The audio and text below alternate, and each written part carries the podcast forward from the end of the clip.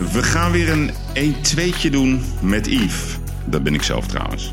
Een aantal van die rellen in bepaalde wijken ja, zijn aangestoken door de drugsdealers in het hogere echelon.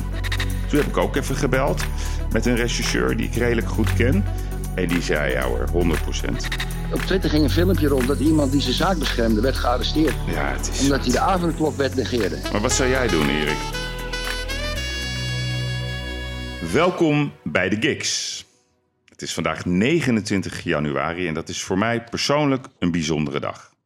Het is namelijk de geboortedatum van mijn lieve vader, die helaas in 2019, oktober 2019, zijn laatste adem blies. Daarom draag ik de podcast van vandaag aan hem op.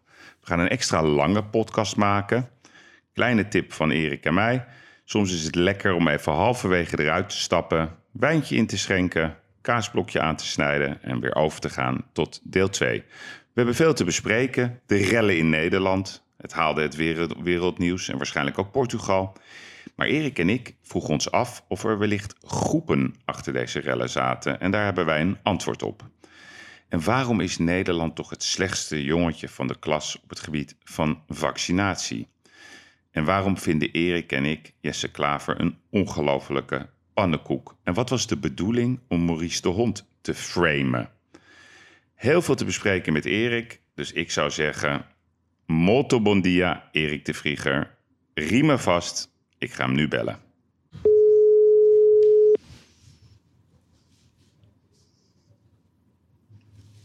Muito bom dia, signor Gairat.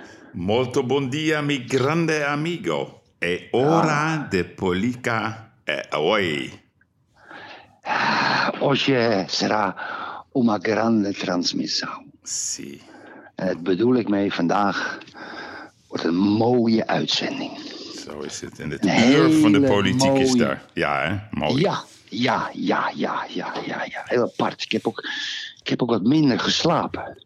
Ja? Ik zat erover na te denken, over al die onderwerpen. En weet je, ja, je weet, als wij vijf uur slapen, we hadden laatst een artikeltje over die ministers die zo hard werkten en soms zelfs vijf uur sliepen.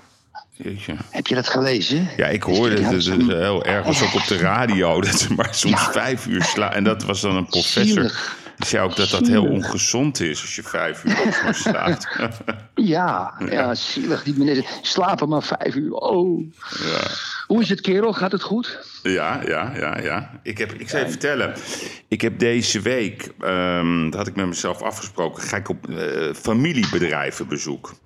Dus ik ben Ja. ja. ja, allerlei familiebedrijven gaan bezoeken deze week. Relaties Ja. van mij. En gisteren was, eh, was mijn laatste van deze week. Was ik in Weidenes, voor, net voorbij bij Ja. de Beemster.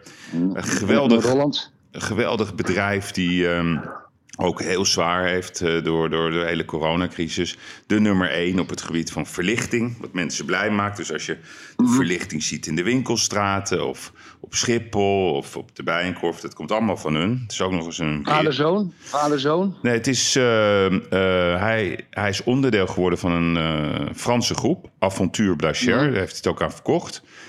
En hij, hij is nog steeds de manager in het bedrijf. Heel nieuw pand gebouwd met loodsen erbij, helemaal coronaproof. Ja, en toen ik daar stond, toen zei ik tegen hem... Volgens mij heeft de politiek geen enkel idee wat voor mooie bedrijven we eigenlijk allemaal in Nederland hebben. Mensen die door dag en dauw gaan, die elke dag maar bezig zijn met dat bedrijf. Ze maken zich druk om de Shell en de Unilever en de KLM en noem ze allemaal maar op. Maar dit is wat, waar het om draait, Erik. En, en jij stuurde me van de week een, een, een filmpje over een, over een eh, ja, van, van je naaimachinefabriek. Maar ik begreep het niet helemaal, hè, van, samen met je broer. En, ik wil ook even dat je mij dat gevoel Nou ja. vertelt van het familiebedrijf. Ja, Yves, Yves, je hebt een teerpunt te pakken. Je hebt gelijk een teerpunt te pakken. Kijk, kijk, mijn vader is in 1950 begonnen. En heeft zijn hele leven gewerkt voor zijn kinderen. Hij vond het fijn om te werken, maar je doet dat voor je kinderen. Toen mijn broer en ik en een stukje mijn zuster dat bedrijf overnamen... En we met z'n allen ook een prachtig museum opgebouwd. Een liefde voor het bedrijf. Er zijn heel veel familiebedrijven in Nederland waar de familie werkt. Dat dit zijn motoren van de economie. Ja. Fuck die multinationals. Die gebruiken ons alleen maar voor hun producten. Maar een familiebedrijf heeft een liefde. En ook de liefde voor de kinderen. Ja? Mhm. En, en toen had mijn broer, mijn broer is zes jaar ouder dan ik. En die stuurde een filmpje. En dat is even kort uitgelegd. Dat is een, een apparaat. Dat is 12 meter lang. Dat is gemaakt tussen de Eerste en de Tweede Wereldoorlog. Dat zijn acht naaimachines aan één tafel. Met een centrale aandrijving. Vaak op stoom ook nog. Zelfs voor de Eerste Wereldoorlog. En er zijn er nog maar drie van in de wereld. En we hadden er eentje 30 jaar geleden gekocht. En die ging hij opbouwen. Die hadden we verpakt in kratten en met vet, dat het niet roestte. Allemaal smeedijzer. Geweldig ding, 12 meter lang. En hij ging dat opbouwen in de showroom waar al zijn nieuwe high-tech elektronische producten, naaimachineproducten staan. En hij zet die oude machine van 100 jaar oud, zet hij daar neer en die bouwt hij op met zijn zoon. De liefde. Hmm. De liefde voor het bedrijf. En daarom, Yves, daarom word ik ook zo boos. Ja? Ja, daarom word ik zo boos van die gasten van de PvdA, GroenLinks en de SP. Die als je dood bent en je wil je bedrijf aan je kinderen geven. Gewoon je bedrijf, waar je je hele leven voor gewerkt hebt. Dan moeten ze daar nog een percentage van hebben. Omdat je kinderen niet het bedrijf mogen erven. Dat is voor mij een teer punt. Hmm. Dat loopt die gast van Sander Schimmelpenninck ook altijd uit te leggen. Ja, dat de mensen niet rijk geboren mogen zijn. Wat rijk geboren? Ja, ik werk voor mijn kinderen. Ik werk om te overleven, voor mijn kinderen, voor mijn vrienden, voor mijn familie. Ik heb toch wel geld, dus ik wil iets moois achterlaten. En mijn broer, die dat ook deed, en toen zag ik dat, en toen moest ik denken weer aan die politici waar jij het net over had, die geen enkel idee hebben hoeveel pijn het kost om je bedrijf op te bouwen. Dan uiteindelijk aan het einde van je leven wil je het bedrijf aan je kinderen overdoen. En dan willen ze geld hebben als je doodgaat, Yves. Hmm. Het is een beetje heftig begin van deze podcast. Maar ik ben hier altijd zo pissig over geweest. Dat je je netto belastinggeld. Netto, waar je al belasting over betaald hebt. Wat netto is, of je bedrijf. Dan komt de belasting en dan heb je een discussie. Als je vader en je moeder dood zijn, heb je een discussie met de belasting. Ja, hoeveel het bedrijf waard is. Heb je nog eens het geld? Zeggen ja, het is 10 miljoen waard. Je moet 1,2 miljoen betalen aan ons. Ja. Dat is de grootste schande die we in Nederland hebben. Als het gaat om de overheid die iets niet begrijpt. En trouwens, ze halen de motivatie ook nog eens weg. Bij vader en moeder die voor hun kinderen werken. Denken ze, ja, op een zestigste, wat zal ik? Misschien heeft die man dat, die dat bedrijf in Frankrijk aan die Fransen verkocht. Heb ook wel gedacht, de pleuris voor ze. Hmm. Amen. Amen. Heer, heer, heer. Nee, Erik, eh, kijk, de familie. Weet je trouwens, ik had net bij de introductie. Het is vandaag 29 januari. Dat is de geboortedag van mijn vader. Die eh, in 2019 helaas is overleden. Dus de podcast Ja. draag ik op aan mijn vader. En- Waarvan akte? Waarvan akte, Erik. En, en, en mijn vader die had Geirat-trips in de Ferdinand Bolstraat. Dat Ja, was het ja. kleinste reisbureau van Amsterdam. met de hoogste... Ja, maar wel het slimste. Ja, de slimste, hoogste omzet per vierkante meter. Ja, en hij was een, eh, ja, hij was een aparte figuur, weet je. Hij was een wis- wiskundige met het zijn stickertjes. En, dan, en ik, ik zou je een verhaal vertellen. Eh, Hij had altijd trucken en, en toen hadden we nog geen internet. En hij had de meest waanzinnige huwelijksreizen, wereldreizen die hij organiseerde. En dan werd ik gebeld, bijvoorbeeld op zondagavond. Werd er bij ons thuis gebeld om kwart over tien. Maar mijn vader hield van een drankje. Dus die kwam wel eens wat later thuis. En dan belde een keertje... Amsterdam Zuid. ja, Amsterdam nee. Zuid. ja, ja, precies. Ja, Maup Carranse die belde. Ja, ehm, ehm, is meneer Gerard ook? Ik zei, nee, nee, nee, die is er niet. Die is nog even wat aan het doen. Oh, Maar op zelf, maar op ja, zelf. ja, ja. Nou, want wij gaan namelijk morgen een wereldreis maken. In het kader van eh, ons huwelijk met mijn vrouw. En eh, dat is een hele grote reis. Alleen we hebben geen tickets, we hebben geen schema, we hebben helemaal niks. Zo ging het altijd. En dan zei ik altijd: meneer Carranza. Morgen op Schiphol ligt alles voor u klaar. Toen kwam mijn vader weer helemaal. Die komt dan binnen. Ik zeg: Ja, pa, ja, ik ben 15. Ja, wat wil je dat ik doe? Eh, komt in orde, Yves, komt in orde. En, en het was altijd chaos daar. Maar het was zo'n typisch van familiebedrijf. Ik heb je ooit verteld dat toen ik 17 was, toen werd hij in de mangel genomen door de bank. Hij is daar nooit meer overheen gekomen. Maar, ja, heb je verteld, ja. maar Ja, mensen, ja. mensen hebben geen Ik kan idee. hem nog goed herinneren, hè? Ja. Ik kan hem nog goed herinneren. Want hij stond een keer bij mij in de skybox. Daar stond hij alles te observeren. Ja, ja. Hij, wat rookte hij ook alweer? Belinda. Hij rookte zo'n raar merk sigaretten. Vroeger deed hij altijd vier pakjes Gauloise zonder filter per dag. Ja, dat is toch niet normaal. Eén fles whisky denk ik er ook nog bij. Als het, uh, dat was dan een goede dag. Ja, en, en, en, en toen is hij op een gegeven moment overgegaan op zo'n zo'n zo'n uh, zo'n pijpje, weet je. Dat dat een beter ja. voor de gezondheid was. Maar het was een, uh, ja, een schaker. Maar ik heb er wel sigaretjes, ik heb er wel sigaretjes in ook. Ja, ook. Dat is toch een tijd geleden. Ja. 20, 25 jaar geleden, denk ik hier. Ja, dat klopt. Nee, toen rookte hij nog gewone sigaretjes. Ja. ja, maar hij rookte zo raam. Rookt die Kouase? Ik dacht dat die... Ja, ook Belinda. Maar vroeger Kouase, die blauwe pakjes, weet je wel. Dat ja, was, ja, zijn kankerstokken, man. Jezus. verschrikkelijk. Maar ja, dat heeft hij toch, daar heeft hij nooit gek genoeg hij is uh, bijna 80 geworden.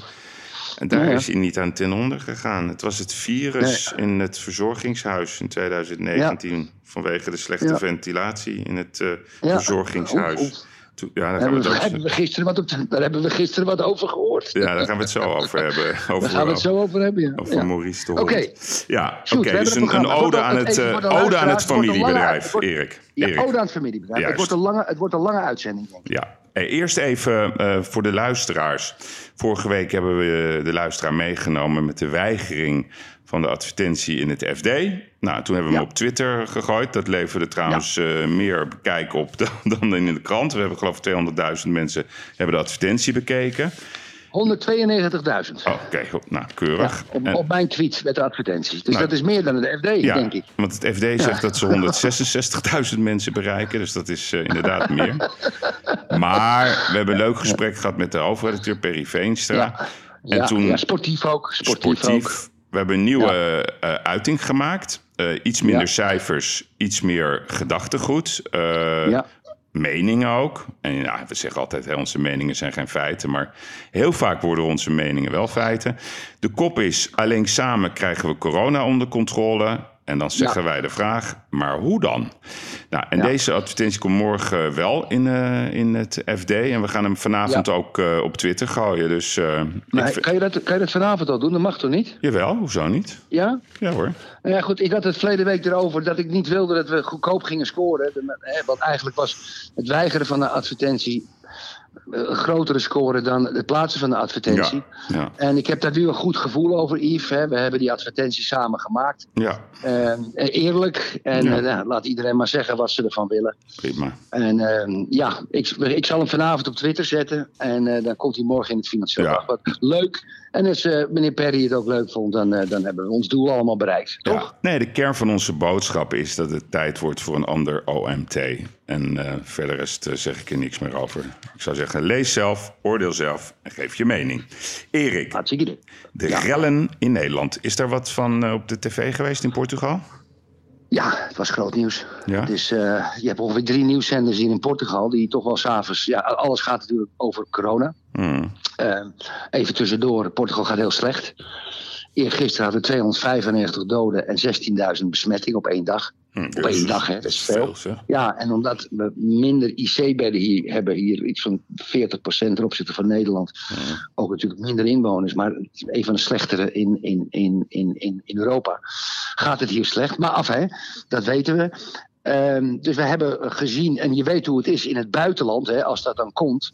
Hè, wij hadden natuurlijk zeven of acht Um, um, uh, uh, de steden waar het gebeurde, en dat, ja, dat ging eventjes heftig, maar dat ging niet te lang door.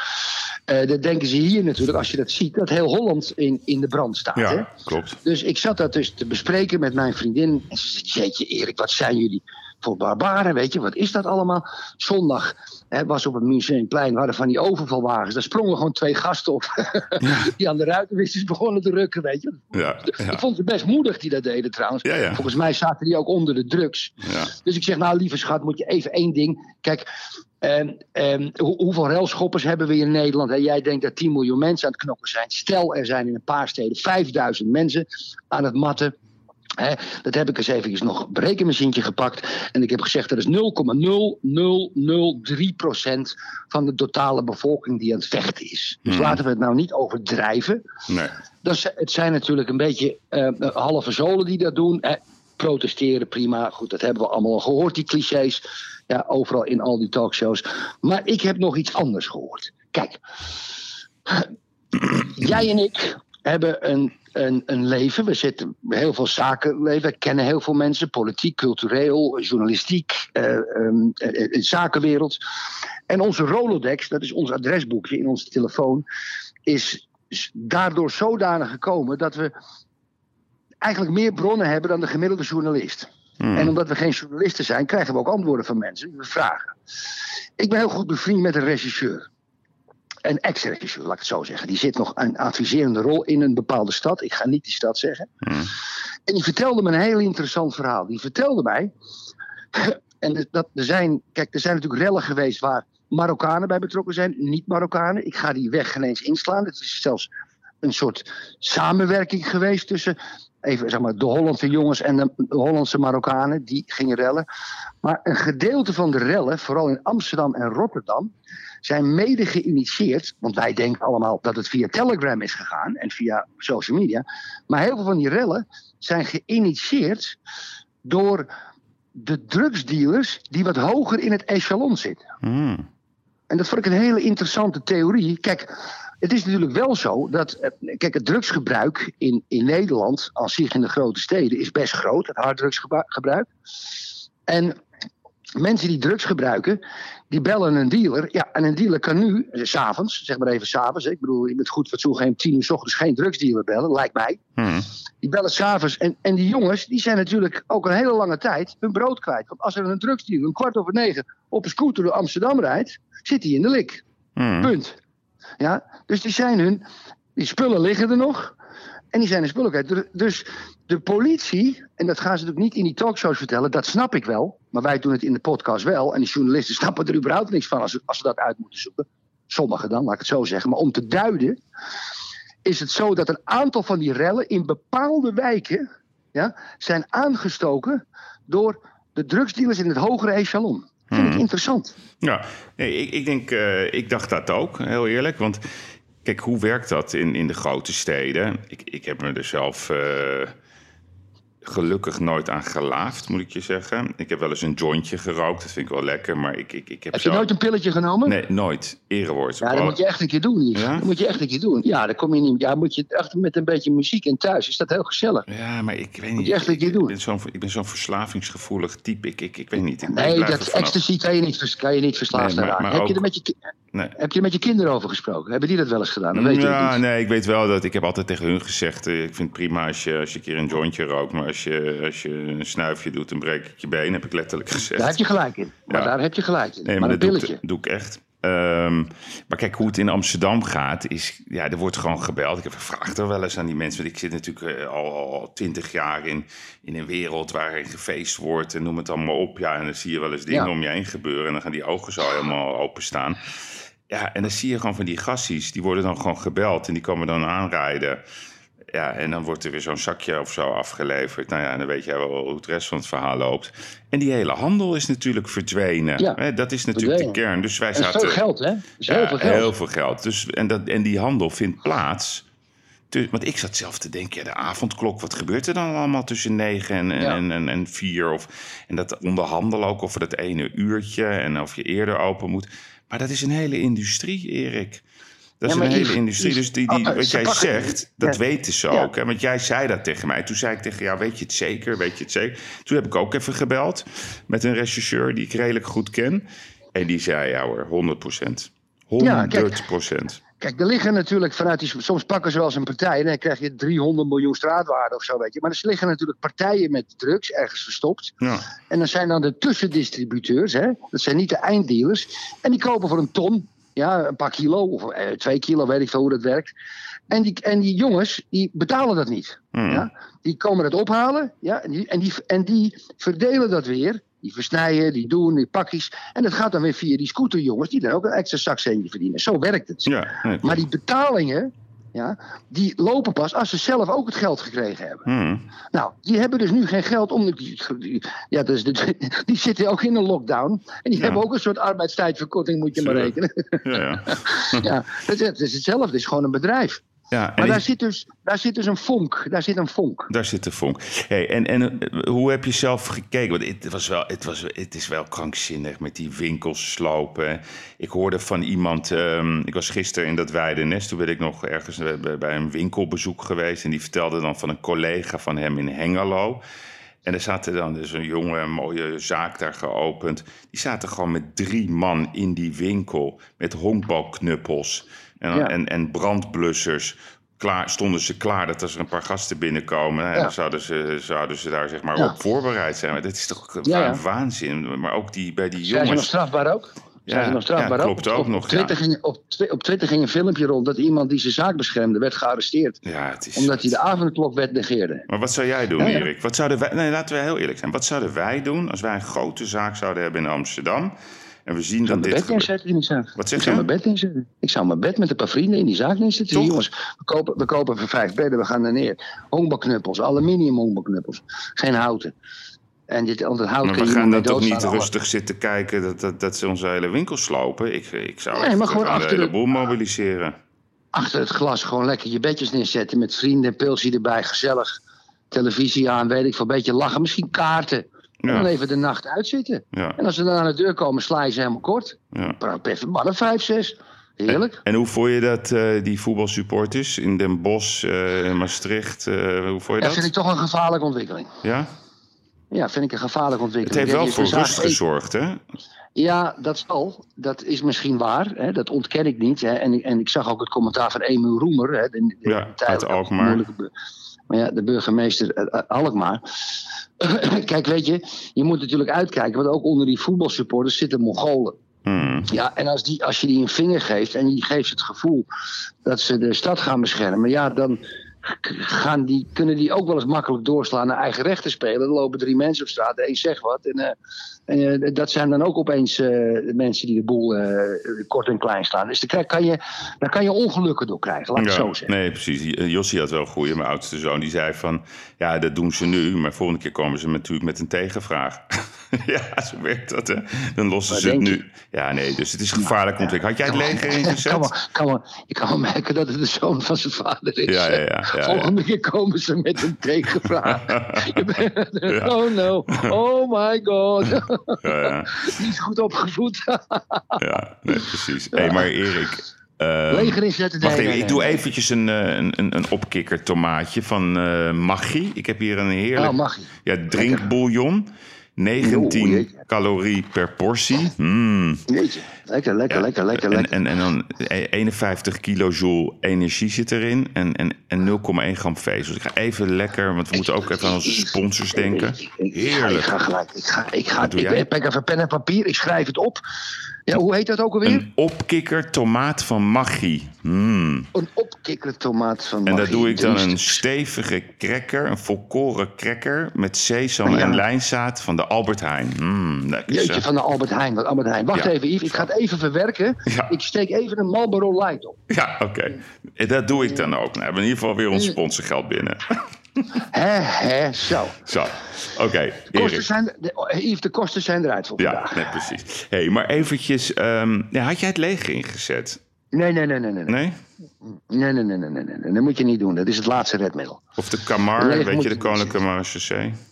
Ja, het is te makkelijk. Kijk, je weet je, de leger inzetten is een, is een stap buiten de democratie. Kijk, dat, daar moet je zo voorzichtig mee zijn. En ik zie al die mensen. eh, weet je, mensen hebben van die primaire reactie. Ja, stuur het leger erop af. Ja. eh, schiet ze in hun, Nee. door hun knieschijven. Ja, nee. Ik ben altijd gelul beun. Nee, dat je vind moet ik ook niet. opletten.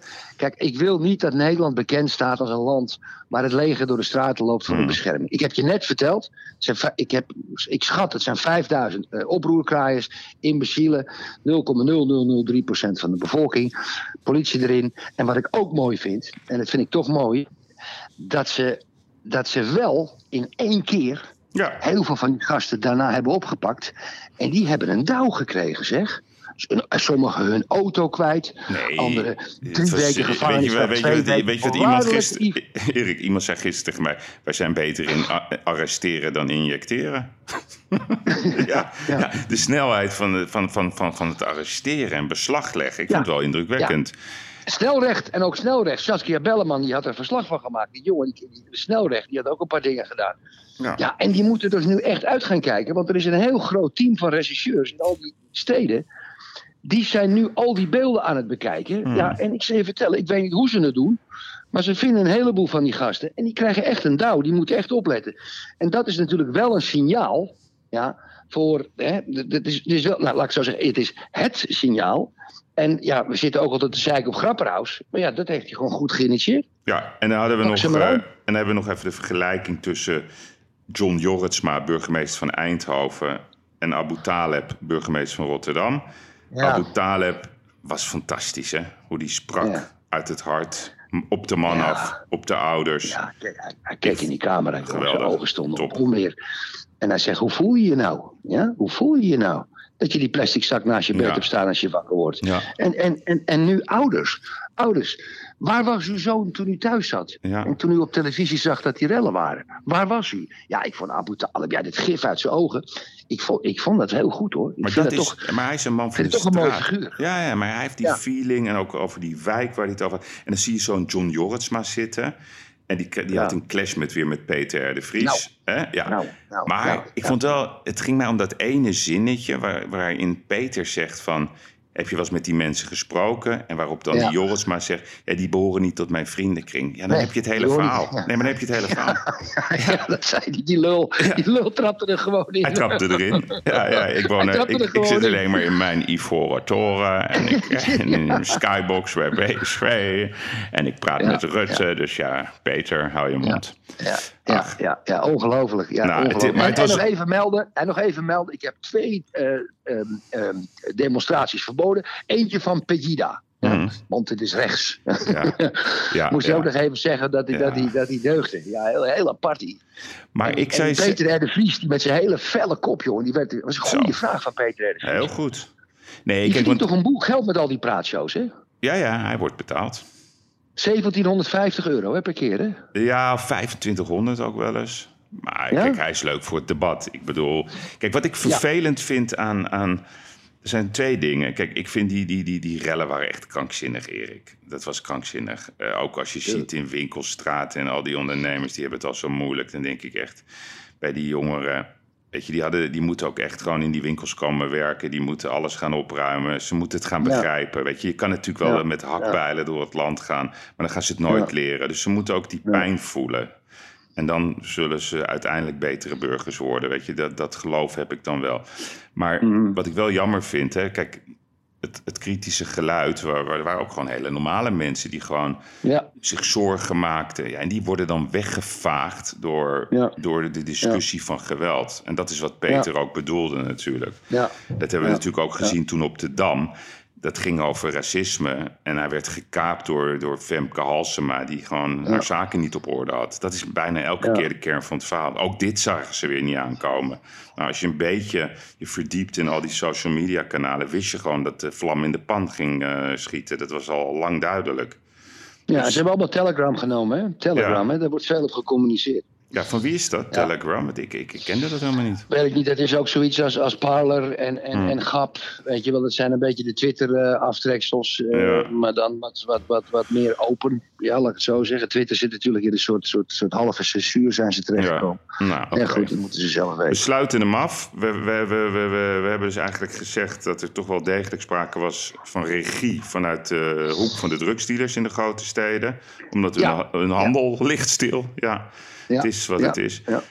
Oké, okay. Erik. En, en we hebben FD een mooie advertentie morgen. En dat is heel Juist. Kost ook een boel centjes, maar goed, dat hebben we, daar hebben we het voor over. Allemaal voor het goede doel. Erik. We Allemaal voor het goede doel. Een nieuwe rubriek, de tweet van de week. nou, jij mag hem voorlezen. Ja, kijk, de tweet van de week is... Uh, die is natuurlijk van, uh, van Jesse Klaver. we hebben de Holocaust um, um, Memorial Day. Dat is een jaarlijkse dag die we hebben uitgekozen wereldwijd om de slachtoffers van de Holocaust uh, te herdenken. Een serieuze dag. En wereldwijd, politici, uh, belangrijke mensen, wetenschappers, die refereren dan, zeker op social media even en op televisie, aan, um, aan, aan, aan, aan de mensen die omgekomen zijn in de concentratiekampen. En dan krijg je het punt de mensen. Ja. Want niemand die een beetje verstand heeft, die vergeet het woord Joden te noemen. de concentratiekampen zijn opgezet om het Joodse volk te vernietigen. Dat was de doelstelling. Voor 100 procent. En wat doet Jesse Klaver in tegenstelling tot iedereen? Die schrijft: Vandaag is Holocaust Memorial Day. We herdenken de meer dan 6 miljoen mensen die zijn omgebracht in de Holocaust. Het ligt in onze handen om blijvend aandacht te besteden aan de verschrikking van de Holocaust en ervoor te zorgen dat dit nooit meer gebeurt. Nou, Yves, kijk, hmm. jij kent mijn theorie dat de linkse partijen in hun DNA hebben gekregen een stuk antisemitisme. Waarom? Omdat vanuit de linkse vakbond honderden jaren geleden werd de Jood, die werd altijd afgebeeld met een grote neus, een keppeltje en harig in die tekeningen. In, in, bij het marxisme door Lenin. In die tijd als de mensen die de arbeiders uitbuiten. Dat is geslepen in lui van GroenLinks. Rutger Grootwassink, Femke Halsema, Jesse Klaver. Hij weigert het om het woord Jood te noemen. Nou, deze discussie, Yves. Wij, wij, wij gaan niet die antisemitisme-discussie voeren. We stellen dat altijd maar uit om dat een keer te gaan doen. Dat gaan we een keer goed doen, ook voor de luisteraars. Maar dat is natuurlijk altijd glad ijs. Mm. Objectief, subjectief, dat is moeilijk. Maar Jesse Klaver heeft met het weglaten van het woord omgebrachte Joden. zijn ware antisemitische aard naar boven gebracht. Dat is niet alleen mijn mening trouwens. Nee. dat is een mening, want hij heeft heel veel mensen die over hem heen vielen. Maar voor mij viel het puzzelstukje, het laatste puzzelstukje, precies in de puzzel. Ja. Jesse Klaver heeft een antisemitische tweet gegeven. Ja, nou, het is, ik, ik zou je zeggen, Erik, ik ben best wel rustig van aard. Hè. Er zijn wel grenzen aan mijn rust. Maar in mijn hoofd ging echt, als ik die jongen tegenkom in een steegje, dan kan hij beter heel hard doorlopen. En dat vind ik niet fijn om zo te denken. Maar ik vond dit. Dat, dat, dat, vind ik nogal wat dat jij dat zegt. Ja, ja, ja. Maar dat weet je ook, hè, dat ik dat in me heb. Ik vond dit zo'n vuile, vieze, gore, smerige tweet van deze Jesse Klaver. Nou, wat, een, wat ben jij een grote lafbeek, dacht ik toen. Wat laat je op een onwaarschijnlijke manier kennen. En wat ik nog erger vind, hij heeft de kans gehad om deze ja, onherstelbare fout te corrigeren. Heeft hij niet gedaan. Heeft hij niet gedaan. Wat is er? Wie komt er binnen? Ik ik zeg even iemand gedacht, man maakt mijn zwembad schoon. Sorry Yves, je was belangrijk aan het praten. Excuseer. Ja, nee, maar dat moet ook. Ja? moet ook. nee, maar het is, hij, heeft, hij maakte, kijk, hij krijgt nog de kans toen, toen al die mensen gingen reageren. Weet je, dan, dan kan je je nog voorstellen dat hij denkt, oh, dat is niet zo slim wat ik gedaan heb. En zo heb ik het niet bedoeld. Hij had het kunnen corrigeren, heeft hij niet gedaan. Daarmee heeft hij al zijn kaart op tafel gelegd. Het is duidelijk hoe Jesse Klaver in elkaar zit. Dat nou ja, en ook zijn achterban. En zijn achterban. Hij waarschijnlijk van zijn achterban ook het woord Joden niet noemen. Nee, nee, nee, want dat is natuurlijk, hè, dat is natuurlijk die continue haat die maar wordt gezaaid. Ja. En, en, en het tegen elkaar uitspelen van mensen die het volgens mij prima met elkaar kunnen vinden. Maar deze volksvertegenwoordigers, die altijd maar roepen, hè, altijd maar roepen dat ze er zijn voor de mensen. En dat zodra er iets gebeurt in de universiteit in Leiden, ja, er moet een onderzoek komen. Er moet een onderzoek komen, want ze hebben weer een. Ja, cliteur. Nou, Erik, mijn broer is hoogleraar, heel toevallig daar op die universiteit. Daar is helemaal geen sprake van. Die denken, wat gaan ze in godsnaam onderzoeken? Maar dat was die maximale druk. Maar het echte, diep gewortelde antisemitisme... maar niet alleen antisemitisme, Erik. Het is veel omvattender. Ze, ze roepen altijd iets wat ze eigenlijk over zichzelf zeggen. We zeggen wel eens links lullen, rechts uh, zakken vullen... maar het zit veel dieper. Ze voelen zich verheven omdat ze zich eigenlijk voor zichzelf schamen. Ik vind deze tweet zo iets schofterigs van Klaver. het verbaast me dat wederom de media hier niet op duiken. Omdat dit zo ontzettend goed geanalyseerd moet worden. Wat bedoel je nou eigenlijk? Wat bedoel je nou eigenlijk? En waarom corrigeer je het niet? Waarom leg je niet uit wat je hebt bedoeld? Het is gezwegen.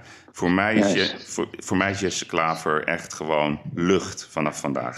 Eigenlijk vanaf de dag dat hij die tweet uh, plaatste. Wat een lul is dat. Wat een lul. Kijk, dat, ja, ik hoop dat hij luistert en uh, We zullen zorgen dat hij Ja. dat die hoort hoe wij over deze jongen denken. Wat een zakken, wat een zak Ja, maar dat hele GroenLinks, dat hele Zak GroenLinks hooi. zit zo in elkaar. Ja, Want die. Bram van Ooyek, die, die gaat gewoon op een beurs staan en met een bordje in zijn handen, koop geen sinaasappels uit, uit Israël. Oké, ja. Ja, eh, Ja, nee, want zo meteen, we gaan het straks ook even hebben over het vaccinatiebeleid. Oh, wat, wat hebben ze moeite om daar waardering voor te hebben. Hè? Wat een Ja, moeite. maar we hebben ook nog iets anders. Ja. En ehm, dat, dat, dat is ook wel even leuk om aan de luisteraars uit te leggen. Wij zijn gisteravond aangeslagen ja, op een, eh, op een, ehm, op een programma van de KRO en CRV. Luisteraars, en dat heette Propaganda. En dat eh, zijn een, eh, de, twee bekakte meisjes met een hele rollende R. Die dat allemaal uitlegden. En twee jongetjes met hipsterbaardjes. Zo van de school van de journalistiek. Prima, dat kan. Hè, want iemand, eh, dat kan. Correspondent, NRC en NPO en Poitiers of zo. Dat is een soort samenwerking. En die hadden besloten om een programma te maken over Maurice de Hond. Waarin ze Ehm, alles wat Maurice de Hond in het verleden. Een aantal dingen die Maurice de Hond in het verleden beweerd had. Over aerosolen, over de Deventer-moord, over eh, de Millenniumbak. Dat ze eigenlijk zeggen: we gaan eens even kijken, heel objectief. En fact-checken wat Maurice de Hond nou eigenlijk voor figuur is. Ja, nou, wij, wij, wij, wij sloegen daarop aan. We hebben dat programma bekeken. We hebben allebei dezelfde conclusie. Ehm, en dat is karaktermoord. Maar eh, gisteravond laat, toen ik mijn laatste tweet gaf, toen is mijn compaan Yves Geirat, en dat moet ik je complimenteren, jij bent aan het werk gegaan. ja, En ehm, jij hebt met eh, de betrokkenen gesproken. Nogmaals, wij hebben dus al die nummers in onze telefoon. mm, Je hebt contact gezocht met eh, Maurice de Hond na 12. Je hebt contact gezocht met Klaas Hummel. ja. Vanochtend En, vertelde en je mij. Jip. Ja, Bon Jip. Vanochtend vertelde je mij, Erik. je belde me even op. Je zegt: Ik heb met de honden dingen. Ik zeg: Yves, weet je wat we gaan doen? Ik ben zo nieuwsgierig wat er gebeurd is. Maar ik wil het nog niet weten, want ik wil, ik wil het horen in de uitzending. Nou, Mm. dit is even mijn inleiding. En bij deze geef ik graag de microfoon aan jou. Ja, heel goed. En even nog even eh, als aanvulling op jouw inleiding. Even, even mijn Douwe Egberts koffie eh, opdrinken. Maar we hebben, we hebben genoeg verdiend vandaag. Ja, maar ik heb wat extra nodig, want ik ga wat investeringen doen volgende Oké, maar dan doe ik nog een heerlijk Nespresso kopje koffie met een klein... dat is de concurrent. Kut Rabobank, kut Rabobank. Kut Rabobank. Ja, ze hebben nog steeds, ze hebben, we hebben nog steeds niet dat Ja, afkoopbedrag de. Rabobank moet ons gaan betalen dat wij ze niet noemen. Maar goed, dat terzijde. Dit is propaganda. Propaganda, Caro en CRV. Ja, nee. En, en, en wat, wat, wat ook het programma suggereert, hè, ze gaan op zoek ook naar de complotdenkers, de complottheorieën, de feitelijke ja. onjuistheden. Dus een hele Ja. wiswas aan, aan, aan, aan, aan veronderstellingen. Dat je al gaat zitten. Nou, dit is niet goed. Dit is allemaal niet goed. Nee, nou, nee, dus toen nee. kwam het De programma. dag, de dag daarna een artikel in het NRC gelijk. Allemaal, allemaal gesynchroniseerd. Hmm. Hij werd helemaal afgemaakt. Nou ja, hij, hij had zelf een tweet gezet eh, dat er een karaktermoord aankwam. Hij heeft ook vanochtend, zag ik, heel verhaal Ja. geschreven. Nou, Ja. erg lang ja. Ja, dat is wel een beetje, vind ik, eh, ja, een beetje een mindere eh, kwaliteit van Maurice de Hond. Dat hij wel alles tot in den treuren, tot in detail wil uitleggen. Dat, Ja, dat hoeft niet. Je kan het ook, vind ik, een beetje op de grote lijn houden. Maar zo zit de man in elkaar. Maar, ja, zo is hij. maar wat ze deden, dus ik dacht, ik ga gewoon kijken. Mhm. En ik, ik zat met mijn, eh, met mijn rechteroog naar Ajax te kijken, zonder geluid. Ik ook. Zo- ik ook. Ja, ja, ja. Dus Ajax zonder geluid, dat werd 3-1. Ja. Ja, maar die 1-1 liep ik gewoon naar buiten hoor. Ik denk, ik ga niet meer kijken. Maar Nee. toen werd het gelukkig 2-1 in de Toen kwam toen een Brobby erin, hè? Ja, ze zijn Ja, nog steeds ja. niet met hem... eh, het is nog steeds niet rond, hè, met die Brobby. Die, die Rayola, die, die is een tafkoekje, hoor. Ja, ja, ja, ja. ja, ja, ja, ja. Maar ik denk... Maurice nou. Maurice, ander- ander Dus ik heb gekeken naar het hele verhaal. En, en toen, toen dacht ik, nou ja, als je, als je dus Maurice de Hond niet kent... Ja, dus je zit gewoon thuis op de bank en je zit naar dit Ja. verhaal te kijken. En dan wordt de Deventer moordzaak wordt er nog even bijgehaald. Ja. Daar gaan we het Ja. niet over hebben. Dat is een ongelofelijke complexe zaak. Daar vindt Peter R. de Vries, om hem nog een keer erbij te ha- halen... die zit heel erg ook in het kamp van de hond. Eh, heel complex, heel, heel, heel complex. Hij is daarover veroordeeld. Maar wij weten allebei heel goed, gelijk hebben en gelijk krijgen. Dat is een heel moeilijk verhaal in het leven. Zeker. zeker. Dan wordt er ook nog- het laatste woord. Ja, er wordt ook nog even de iPad-school bijgehaald. Nou, ja, dus, ja. dus wat Ja, ze gedaan dat hij daar hebben... zijn zak- dat hij daar zijn zak opvult. Ja, nee, het was Nee, een nee, klassieker. nee. Het was een klassieker. En wat vinden wij een klassieker? Dat mensen die zo lang al bezig zijn in de samenleving, die maken ook fouten. Die doen ook wel eens dingen die niet goed zijn. Ik bedoel, als we dit gaan doen over onze politici, dan zijn we tot eh, ongeveer december bezig. Het is ja, een. ja, ja, maar, maar, maar, voor- maar voor mij is het een andere klassieker, Yves. En die wil ik er even, even tussendoor ingooien. Het is voor mij de journalistieke klassieker. Er zitten dus een paar van die grachtengordelgasties. Allemaal grachtengordelgasties. Import Gooise grachtengordelgasties. Andreas Kouwenhoven van de NRC. Sander Blauw van de Correspondent. En die zitten met z'n allen aan tafel. Die bedenken een eindverhaal. En die boetseren daar een heel verhaal omheen. Ja. Dat hebben ze met mij ook gedaan. Ja, ja, klopt. Alleen, ze kregen nul op hun request, want aan het einde van de rit zei een rechter, meneer de Vlieger, wat doet u hier? Maar dat hebben ze met mij ook precies. Ze gingen allemaal boetseren en allemaal dingen erbij halen. Wat is dat nou? Wat is dat nou? Alles wat je goed doet, bestaat niet. Nee. En die paar dingen waarvan zij vinden, die ze vinden, die boetseren ze in een verhaal. En het einde van de rit ziet de kijker of leest de lezer en die heeft dezelfde conclusie als hen.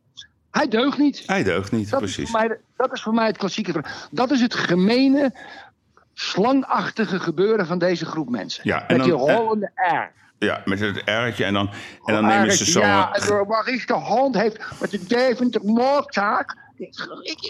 Waar zit ik naar te luisteren? Ga door. Ja, maar het is. Kijk, ik heb het ook een keer gehad. Hè? Dus ik weet nog dat ik toen bij jou in die YouTube-uitzending zat. Van Weltsmeert. En toen zei Ja. je ook: Ja, Yves, jongen. Ja. Het lijkt me Ja. of jij je hele leven alleen maar dingen fout hebt gedaan. Maar, weet je dat nog. Ja, ja, dat weet ik nog heel goed. Maar, maar dat is wat ik bedoel met een klassieker. Er wordt op een gegeven moment blijkbaar gesproken. We gaan de hond, die gaan we gewoon wegzetten. Die gaan we dissen. Hè? Even een jongere term. We gaan hem slopen en we gaan hem gewoon wegzetten als een wappie, als een gek die niks kan. Ja. Nou. En het RIVM gingen ze ophemelen, hè? want de RIVM had op, op alles gelijk. dat- Terwijl dat het is- RIVM in februari zei dat de ziekte niet zo besmettelijk was van mens tot mens. Niks over gehoord van ze. Nee, maar het RIVM, dat is natuurlijk een fantastische organisatie. Die hebben het altijd goed, weet je. De mondkapjes, het dat is Juist. fantastisch. Dit hebben Juist. ze hartstikke goed gezien. Het Ja, ging niet over ja. van mens op mens. Eh, het, Ja. het Britse virus slaven is van de weer... macht. Ja, het is echt... Slaven van de macht. NPO, allemaal slaven van de macht. Ga door. Ja. Maar goed, dus wat gebeurt er dan? Dus ik zit daarna te kijken. En ik heb de hele, hele uitzending eh, gewoon rustig om in laten werken. Nou, ik, toen dacht ik, klassieke karaktermoord. Er zat één dingetje wat, wat bij niet lekker zat. Dat was, de, was een gedeelte over een donatieknop. Ja, eens. Ja, toen dacht ik, nou, Ja. als mensen het willen steunen, dan wil je niet het Ja. idee hebben dat je dan zeg maar de huishouding van Maurice steunt. Maar we hebben het hier wel over een man die al ruim, ruim over zijn pensioen heen is. Het is ook nog eens een man die ehm, zijn zoon heeft verloren. Ja. En het Ja. is een man die, als je hem niet kent, hè, dan, dan denk je, ja, wie is die man? Eh, Beetje norsig. Beetje een norsig. beetje norsig, ja. Norsig, eh, wil graag zijn punt maken. Nou, daar kan je alles van vinden. Maar de kernvraag is: deugt deze man? Nou, iedereen die hem kent in zijn omgeving, die weet hij deugt. Hij woont gewoon keurig in een gewoon normaal huis. Het is een nette man. Het is niet een man die, die aan de ene kant allerlei gaat, gaat hengelen en dat voor zichzelf doet. Hij wil heel graag laten zien, dat is nou eenmaal zijn drive, dat er ook andere manieren zijn om uit een crisis te komen. En hij heeft een diepe, diepe, diep gewortelde interesse in hoe feiten worden gebracht. Nou, dus waar begon Is het? hij, is, hij, is hij rijk? Nee, gewoon. Nee, niks. Gewoon Waar woont hij? Woont hij in Amsterdam? In een huurhuis geloof ik zelfs. Oké. Maar ik vind dat eigenlijk nog niet eens interessant. Dat vind ik, dat vind ik namelijk de gemene discussie. Hè? De vraag is, en dat is de suggestie die wel degelijk is ge- gewekt door die jonge gasten. En prima, ik vind het juist leuk als jongere mensen zich erin verdiepen. Maar doe, Zeker. maar doe het dan wel de- degelijk en breng het hele verhaal. Nee, eerlijk. Ja, Eerlijk. en volledig, hè? En, en, en, Ja. en, dan wekken ze dus de suggestie, ja, hij wil niet reageren. Hij heeft letterlijk gezegd, ik wil wel reageren, alleen in een live programma, want dan kan je niet knippen. Want dit is een Juist. programma waarin je kan knippen. Dan haal je één zin eruit. En wij weten dat ook. Ik heb het zelf al, Precies. al duizend keer meegemaakt. Dan heb je een heel Precies. interview. En dan halen ze één zin eruit. En dat is dan de context. Dus dat is heel gevaar, gevaarlijk iets. Nou, dus ik kijk ernaar. Nou, het eerste wat ik deed, ik belde even met Won. Dus ik zeg tegen Won, er werd in, in die uitzending werd er gesuggereerd dat Maurice de Hond de naam Smart Exit gestolen zou hebben. Waarop Won zegt, joh Yves, we hadden eh, al in het begin van de crisis in maart hadden we met de horeca een eh, Smart Exit eh, platform opgericht. Een soort stichting, omdat wij ook tot de conclusie kwamen dat als we zo doorgaan, we er niet slim uitkomen. En die naam, die naam Smart Exit, die had de hond gebruikt. Want wat was er gebeurd? Ik moet even de hele context goed uitleggen. Klaas Hummel, die had een stuk geschreven op QuoteNet. Nou, dat, dat Ja. was het best gelezen artikel van QuoteNet Ja, in 2020. Dus 2 miljoen keer bekeken, heb ik begrepen. En wat, Zo. eigenlijk, ja, wat Hummel eigenlijk zei... je kan ook op een slimme manier uit deze crisis komen. Dus Ja. hij is ook gewoon een betrokken ondernemer. Hij heeft ook veel belangen. Dus dat mag hij best roepen. Nou, dat werd heel veel eh, gedoe. En er was... eh oh allerlei ja, vastgoed miljonair, wat moet die gast, weet je en, wel? en, en, Oh, ja, ja, en hij wil dat de oude mensen doodgaan. Maar die man die, die, die geeft gewoon een mening... hoe- dat hij denkt dat het ook op een andere manier kan. Nou, Het was gewoon een heel goed stuk. was een uitstekend stuk. Ik vond Ja, zijn... ja. eh, vervolgens ging je zitten bij, eh, bij op één. Ik vond hem daar niet heel sterk. Weet je, dat kwam er niet helemaal lekker uit. Ervaring. Ja, hij werd ook een beetje aangevallen. En, en tv is Tuurlijk, kort, kort ja. en snel. Nou, en vervolgens heeft de hond gebeld met Hummel. En toen heeft hij gezegd: luister, ik wil een, een website gaan beginnen. Ik wil een tegengeluid laten horen. En, en, en Hummel was gecharmeerd van dit verhaal. En Hummel heeft toen een financiële bijdrage gegeven en toegezegd en ook betaald aan Maurice de Hond om dit initiatief tot stand te laten komen. En wat hoor je dan gisteren in die uitzending? Van, van 100.000 euro. Van honderden, dus- dus je hoort dat zo. En, en de kijker krijgt dan de indruk, zo, nou, hij heeft 100.000 Zo. euro gekregen. Ja, ja. Ja. Van een vastgoedbaas. Ja, van een, van ja, een hele rijke vastgoedbaas. Hele Nou, rijke en vastgoedbaas. daar, en, daar, en daar loopt hij zijn zakken mee te vullen. Dus ik had ook een, Ja, ja, ja. ja, ja. En dus ik had ook een appje gestuurd aan, aan Klaas met drie vragen. En ik had dus aan, aan, aan Klaas gevraagd. ik Klaas heb- Hummel, Ja, Klaas Klaas, Hummel. Ik zeg, joh. ehm, hier, ik zat even voorlezen. Ik zeg, hi Klaas, Leuk. net even gekeken Ja, naar de uitzending over de hond... waarin jij bevestigt 100.000 euro te hebben gedoneerd. Morgen bespreken Erik de Vlieger en ik de uitzending in onze podcast. Ik heb drie vraagjes. 1. Wat was de reden van de donatie? 2. Ben je nog betrokken? 3. Ben je tevreden over de samenwerking? Zou fijn zijn als je wil reageren. Goed, Yves En toen? duurde een uur. ja, dus hij, en hij, hij stuurt als reactie: Succes met de podcast. Goed aan Erik. Goed, Klaas. Dus Hij ik dacht zeg, natuurlijk dat je, hem, dat je hem wilde grillen. ja, dat leek, dat, die Ja. indruk die Ja, had ja. hij blijkbaar. Dus ik stuur terug. Nou, haha, Klaas, we gaan je op deze manier citeren. Ja. En toen dacht Klaas natuurlijk, ja nee, wacht eens even. En wacht even, ja, inhoudelijk. En toen reageerde hij heel keurig. Eh, heel inhoudelijk. Het is natuurlijk een hele Ik ben zo benieuwd, Yves. Ik ben zo benieuwd. Ja, heel intelligente man. En hij gaat eh, uitleggen ook wat zijn motief is. Ik heb de uitzending gezien. Ik hoop dat je constateert dat de op zich nuttige bijdrage van de hond aan het coronadebat wordt gekleineerd door journalisten. Door hem te brandmerken met onderwerpen uit het verleden waar hij ongelijk had. Of zijn door hem geclaimd gelijk nooit is bewezen. Onderwerpen die helemaal niets met corona te maken hebben. Ze worden aangehaald om zijn statuur te kleineren. Vervolgens wordt gesteld dat hij wetenschappelijk niet deskundig is. En zeggen mensen waar nog nooit iemand van gehoord heeft dat hij mogelijk niet deugt en niet wetenschappelijk handelt. Maurice heeft een overtuiging over aerosolen die veel volgers kent, ook bij het Duitse RIVM. Maurice mag zijn visie uitdragen, want er zijn veel wetenschappers die het, niet met de, die het wel met hem eens zijn. En er zijn ook veel wetenschappers die het niet met hem eens zijn. Ja, Vele klopt. wetenschappers en ook politici maken ook zelf gebruik van sponsoring. Nou, en, en, en dan. Mooi antwoord, zeg. Wat een mooi antwoord. Ja, keurig. Dit was allemaal eh, antwoord. om twaalf. Ja, dus wij zitten zo heen en weer. Dus ik heb hem ook ehm, Ja. aangegeven. Ik zeg, joh, ik heb de uitzending bekeken. Eh, ik heb het idee dat jij, eh, eh, dat jij denkt dat we hem willen framen. Dat is helemaal niet zo. Maar ik wil Nee, wel graag... Ik wil een- wel graag... ja, nee, maar ik wil wel graag een antwoord van jou, Klaas.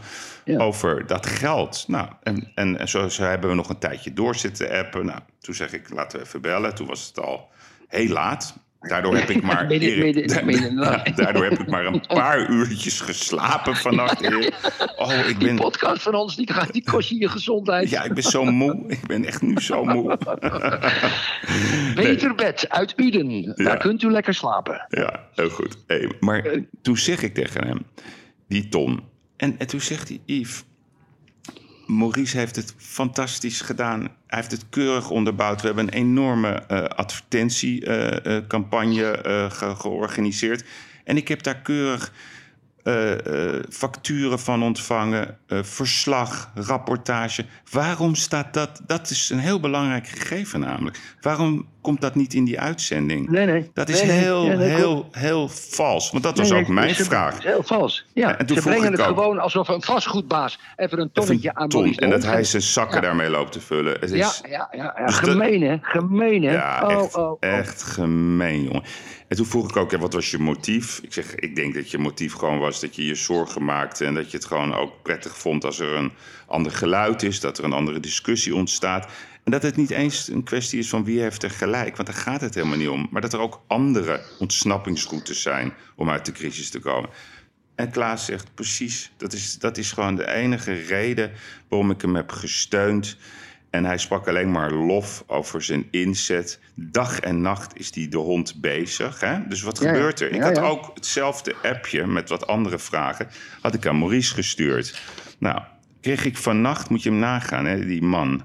Die werkelijk waar zo wordt aangetast in zijn eer, maar ook in zijn professionaliteit. En ook gewoon in zijn intenties. Die heeft mij door, vanaf door, door twee... een paar kinderen. Ja, echt. Om vanaf 2 uur 57 tot 3 uur 36 allemaal uitleg gegeven. Ja, maar Oh ja? ja, en zo, netjes. Ja, en, en, en zo netjes ook heeft hij het precies uitgelegd hoeveel FTE'ers die heeft aangenomen, hoeveel ZZP'ers, wat de kosten zijn van de website die gebouwd is, de enorme traffic die er is, dat hij een oude stichting eh, gewoon heeft waar hij zelf over gaat, maar dat het handiger was om die donatieknop vanwege snelheid even op zijn naam eh, te zetten. Dat geld stort hij vervolgens door. Jongen man, moet hij zich daar echt voor verantwoorden? Kijk, het is, Yves, ik, ik, ik, ik Eh? zit op dat Twitter te kijken en dan Ja. kom je bij de hashtag dit is propaganda en dan zie je horden met mensen echt zeggen van oh, zo'n vastgoedmiljonair die ja, maar dat is de het. hond eventjes wat Ja. toestopt. Ja. En die gasten die dat programma maken, die weten dat. Ja. Die weten dat precies. Weet je waarom? Omdat zij dat ook zo voelen. Omdat ze niet verder gaan denken, gaan doen. Maar ik heb de verklaring vanochtend van Maurice de Hond gelezen. Ja. En het blijkt dus dat hij, want wie ook in het kamp zit van dit programma, is Andreas Kouwenhoven van de NRC. Hmm. Daar heb ik ook wel eens mot mee gehad. Want die heeft over mij ook wel eens meest maffe dingen geschreven uit het niets. Maffe shit. Maakt, het, maakt ook niet uit. En die, die, die heeft drie maanden geleden een interview met Maurice de Hond afgenomen. Een heel positief interview, heel positief. En dat hebben ze niet gepubliceerd. En toen kreeg hij, dacht ik, vier uur voor de deadline... Ja, kreeg hij opeens na drie maanden artikel of hij het even wilde controleren. Ja, en dan binnen Eh, vier uur niet- reageren. En, eh, en dan moet je dan heel snel reageren. Hè? Dat doen ze dus heel gluiperig, niet een dag ervoor. Dan kom je in tijdsnood. Je hebt een bedrijf of je hebt een afspraak. Je moet zeggen, ja wacht even, ik moet mijn kinderen ophalen. Nee dat kan niet, we hebben een deadline. Dat doen ze dus niet de dag ervoor. Ja? Want dan, de- op een, een of andere reden, want dan gaat het misschien lekken of weet ik veel wat. En dan zetten ze het onderwerp zo zwaar onder druk. Dat is gewoon kwaadaardige shit, Yves. Dat zijn kwaadaardige mensen. Ik zeg wel eens, dat zijn slechte mensen. Nou, die horen daar ook bij. Ja. En het erge is dat ze denken dat ze goed doen. Hmm. Ze denken echt dat ze goed doen. Dat is het gevaar. Kijk, Klaas Hummel, dat is een fantastische ondernemer. Ja, die, die, die, die, zo, die is genereus. Ja, die, geeft, die verdient veel geld. Die geeft zelf veel ook geld een uit. keer meegemaakt op een gala, weet je. Hij, hij hield zijn hand net zo lang omhoog, totdat iedereen niet meer tegenop kon. Dat Nee, maar dat is een beetje macho gedrag. Ja, is een beetje dat macho hij dat gedrag, maar hij Dat deed wel. vroeger, maar dat, Ja. dat deed vroeger ook wel eens. Ja. Dat maakt niet uit. Maar kijk, Klaas Hummel heeft 100.000 euro overgemaakt. Dat doet hij niet zomaar. Ja? Die, die, die heeft er echt over, over nagedacht. Omdat hij van overtuigd was dat wat Maurice de Hond deed goed was voor de maatschappij. Daarom heeft hij ook die column geschreven. Het is ook leuk dat zo'n column veel bekeken wordt. Klaas is ook ijdel. Dat mag. Vind ik Hmm. ook helemaal niet zo erg. Maar het, het be- bewust karakteriseren van die 100.000 euro naar een vastgoedmiljonair die Maurice de Hond sponsort, is gewoon kwaadaardig. Yves. Ja, klopt. Dat is naar. Dat is En, naar. en weet je, ik, ga En, niet... ze- dus- en, en ze zich maar afvragen, die drie hoofdredacteuren bij Jinek. Ja, de journalistiek wordt zo aangepakt en zo, zo, zo. Maar juist daarom, juist daarom, de journalistiek van die groep, die verwijdert juist van het volk. Ja, dat is hetzelfde als die burgemeester van Eindhoven. Ja, die komt niet in mijn kennissenkring voor. ja. Ja, Nee, en, ik en, heb vanochtend een discussie met Sanne Blauw gehad, ook de programmamaakster. Ja, en, dan, en dan, dan reageert ze, ik kom in een discussie, reageert ze niet op wij, maar wel, wel op iemand anders. ja. Ja. Wat is ze er bang voor? Omdat ik er ook in een, in een paar tweets met de grond gelijk maak. Ja. Ja. En dan zei ze, dan denk ik, oh, daar ga ik maar niet op reageren. Dat is eng. Nee, het Dus- is, dus- het is, het is, kijk, het is oprecht eng. Kijk, weet, weet je, wij blijven Ja. buiten discussie of aerosolen wel of niet eh, van belang zijn. De- de- weet je, daar heb ik helemaal geen kennis van. Maar waar, waar, waar, waar, waar, ik, waar ik echt moeite mee heb, en, en ik vraag me dan ook echt af, en ik vraag het eigenlijk ook gewoon aan de makers van dit programma.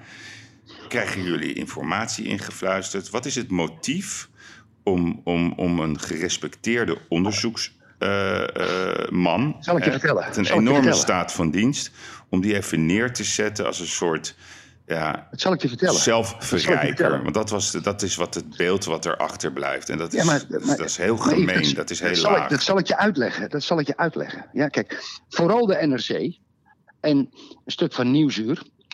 Joost Oranjes, hoofdredacteur van Nieuwsuur, ex-NRC. En dit soort kinderen van, van de NPO, die zijn doordat ze. dat, dat zijn eigenlijk het, een verlenging van de, de, de macht. De macht. Dat weten ze niet, dat hebben ze zelf niet meer door. Dus nu is er een situatie ontstaan waar iedereen een beetje bang is. Dan gaan de politici leunen op de wetenschappers van de RIVM en de OMT. En dan is dat ook voor hun de beste manier om door deze crisis te komen. En dan gaan ze alles, alles wat daar, wat daar van afwijkt, voelen ze de morele plicht om dat neer te sabelen. Dat zit in hun DNA. Ja. En dat, Dat is lekker veilig, hè, met, hun, met een eigen Veilig. groepje. En dan denk je, ah, we hebben toch groepje. heel mooie journalistiek gedaan. Je, Maar je behoudt je baan, ze kunnen weer doorgroeien naar een ander programma. Dus het, het nakakelen van de zittende macht, en zeker in deze crisis, want ze zijn allemaal bang, iedereen is bang, weet je, bang, is, is een automatisme van hen, waardoor ze net doen of ze kritisch zijn, maar ze zijn alleen maar kritisch op alles wat op die kikkertjes die buiten de pan springen. Maar Erik, Dat ik heb een, twit- ik heb een, ik heb een, twit- ik heb een twi- Twitter-vraagje. Oh, Wat waren de productiekosten van dit programma? Dat is staatsgeld. Dat is het geld van de. Nederlandse. Nee, ik heb, weet dat ook, maar misschien kunnen ze zelf dat even. Misschien moet je dat even vragen aan Sanne Blauw. Wat was het productiebudget? Nou, gaan we, dat is een vraag van, van, aan al onze twitteraars. Hoe, Ja. hoe, hoe hoog? Dit is staatsgeld. Dat is geld van de Ja. belastingbetaler. Ja. Zo simpel is het namelijk. NPO Ja. 3. Ja. Wat was de bedoeling om dit geld uit te geven? En dan heb ik nog een nou. vraag. Ja, maar Erik. Ja, de heb, Twitter, we formuleer de vraag even. Beste, beste luisteraars die op Twitter zitten, kunt u aan Sanne Blauw en de KRO NCRV, goed intrekken met apenstaartje, vragen wat de productiekosten voor de belastingbetalers waren van dit programma. Juist, Dank jullie wel. Dank jullie wel. Heel goed. Want, had je nog een vraag? nou ja, kijk, ik moet dan denken aan... ehm, dat was begin juli, toen was ik in eh, Oestgeest. Ik was niet op bezoek bij Jaap van Dissel trouwens, die daar ook woont. ik was, De, de pand, van zijn, pand van zijn vrouw, hè? Ja, ik was bij de Tax Freedom Day. En dat is een dag dat, eh, zeg maar, dat is een symbolische dag. Want tot die dag werken we altijd voor de Belastingdienst. En daarna mag je een beetje centjes zelf verdienen. En er was een, spreker, een hoogleraar, die ook verbonden is aan het OMT. En die had een heel verhaal over de coronacrisis. En die had het ook de hele tijd over die ene man. Maar net zoals Jesse Klaver, hij noemde de man niet bij naam. Hij had het over Maurice de Hond. En waarom vond hij die Ja. man zo irritant? Omdat ze bij het OMT vinden dat ze alles fantastisch doen. Daar gaat ook Ja, onze ja, advertentie van ja. morgen in het FD over. Ik vond dat, ik, ik, ik vond dat zo... Ik zeg maar, wie bedoelt u dan? Ja, ja. ik bedoel dat Maurice stond. Gewoon niet noemen van de naam. Nee, nee, nee, en nee. nee, en er, er, zit, er zit een soort... ehm, Reflex, een reflex. Nee, maar een er zit reflex. een soort, reflex. soort eigen waarheid bij, bij, bij die mensen. Die geloven zo in dat wat zij doen, dat dat allemaal klopt. Ja. En alles wat anders denkend is, dat Ja. moet kapot, op welke manier dan ook. Ja. Hè? En, en, en, Ja, en, en, en weet, je wat, weet je wat Won zei tegen mij? Want ze lieten een beeld zien dat Maurice de Hond in een praatprogramma zat. Dat was ook in die uitzending gisteren, tegenover Ab Osterhuis. Dan denk ik, als iemand, als iemand de, Won, zei, ze hebben het over een ton, maar die, die, die tegenover hem zit, het gaat over miljoenen. Ik, heb er verdien over- niet aan medicijnen en vaccinaties. Ja, mooi. hè. Ik, vind- ik, heb die tweet, ik heb een tweet gegeven. Ik heb een tweet gegeven vanochtend. Ik kon het, ik kon het niet weerstaan. Ik zal hem even voorlezen. Ja. Ehm, dat vind ik zo leuk. Binnenkort, en dat heb ik ze allemaal ingetekst, Sanne, Bl- Sanne Blauw, eh, de correspondent en de KRO-NCRV over de 5,6 miljoen die oma Ab Osterhaus netto pakte. Maar die 100.000 euro aan Maurice de Hond van een partner was gisteren in Dit is in propaganda veel belangrijk. Ja. Hey Yves, zullen we eh, doorgaan? ja, nou nee, ik wil nog. Ik wil Marion- nog nee, ik wil nog Marion Koopmans. Marion Ko- ik wil Marion Koopmans. Ja, die is in China, is hè? Ja, ja, ja. Maar China. één seconde nog. Ik wil nog één Ja, dingetje, ja. want dat hoort bij dit onderwerp. Gisteren, dat heb jij niet gezien, was er een eh, heel, heel boeiend debat bij Jinek met eh. Hans Nijenhuis, hoofdredacteur AD. Eh, Pieter Klok, hoofdredacteur Volkskrant. En Ja. Paul Jansen, hoofdredacteur Telegraaf. En dat ging Ja. over dat journalisten worden bedreigd. Maar ook dat steeds Ja. minder mensen geloven in de media. Ja, En, en dat was een mooi debat, vond ik. Ik vond Paul Jansen sterk. Ik vond Pieter Klok een beetje, ja, een beetje belerend doen over... Als er, ja, die heeft ook wel eens klachten. Ja, vindt het wel, wel, wel, wel, wel grappige mensen, zei hij zo. En Ja, ja. het zijn een beetje Ja, hippies. En dan ga ik toch met ze praten. En ook, zit ook een hongerstaak. Ja, maar echt dat hij het over zijn onderdaan heeft. Dat vond ik je jammer. Ik moet, vond, je, moet zijn redactie, je moet zijn redactionele stuk hierover lezen. Staat ook op social media. Moet je even lezen. Maar, maar waar het om gaat, en dat, en dat is denk ik de boodschap waarom we dit bespreken. Natuurlijk raken mensen geïrriteerd en, en, en verliezen ze het vertrouwen in de media. als die berichtgeving enerzijds zo eenzijdig is en zo heigerig. En dat is, dat is het, het, zeg maar het kalt stellen van andersdenkenden. Dat neigt gewoon naar staatspropaganda. En wij zeggen niet dat dat zo is. Maar het is niet goed, het is niet goed dat mensen die anders denken... meteen een frame-sticker op hun rug krijgen... en dat er zelfs gewoon karaktermoord wordt gepleegd. En dat is, dat is waar wij zelf allebei grote problemen mee hebben, toch? Amen. Ik ben het helemaal met je eens. amen. Even terugkomen op het, op, het, op het hoofdredactionele artikel van Pieter Klok. Hoofdredacteur van het Volkskrant hierover. Heb ik goed gelezen. En wat ze doen, doen ze meestal. Over de berichtgeving. Wat je nou wel en wat je niet moet berichtgeven. En dan gaan ze, en dat doen ze altijd. Ja, maar het is onze verantwoordelijkheid. Ja. Wat, wat bedoel je? Jullie verantwoordelijkheid. Nee, de media Nieuws moet is gewoon... nieuws. Ja, nieuws. Ik hoef ook geen meningen. is nieuws. Wat Mening- be- wat bedoel je meningen, meningen zijn voor in de columns. Ja, het is... Ja. Die meningen zijn precies. Meningen zijn voor in de columns. Ja. Juist, precies. En dat gaan ze dan allemaal zeggen. Ja, dat hadden we dan wel, dat hadden we dan niet. We waren wat te hard over dit en we hadden dit. krijg je allemaal van die verklaringen. En wat ze eigenlijk doen, is een verklaring zoeken. Een wetenschappelijk journalistieke verklaring zoeken. Om maar die middellijn te volgen van het RIVM en van de overheid. En als een keer een, een, een, een, een minister uit de pot springt, dan gaan ze er slecht over schrijven. ja. Ja? Hey, Goed, we weten ook even, allemaal, we weten jij ook even- allemaal dat Rutte. Ja, één seconde, want, want we gaan nog lekker door. Maar ik neem even ondertussen, misschien dat jij ook even naar je ijs... Ik neem even een mini brownie van Sondi uit België. Dat is een mooi nieuw merk. Oh. Ik heb even wat energie nodig. Dus heerlijk in een klein pakje. Uit Nee, ik België. Ja, van het merk Sondi. Hoe heet dat? Een Sondi, een mini brownie met, met extra chocoladestukjes. Ik denk dat het Unilever is, Yves. Oh, dat weet ik niet. Mm, lekker. Zo. Het is wel, het is wel, het is wel moeilijk verpakt. Ja, dat klopt. Oké. Marion Koopmans. Ja, ze is, Marion Koopmans is twee weken in quarantaine gezeten. En ze mag nu Ja. in de bus. Ze, mag, eh, ze, Ja. ze, ze Ja, gaan nu op zoek naar, de gra- naar, naar de vleermuizen. Wat gaat er gebeuren? Kijk, ik heb, ik heb één ding. Ik heb één ding. Ik ben, ik, ben, ik ben één ding gaan doen. Even voor de luisteraar.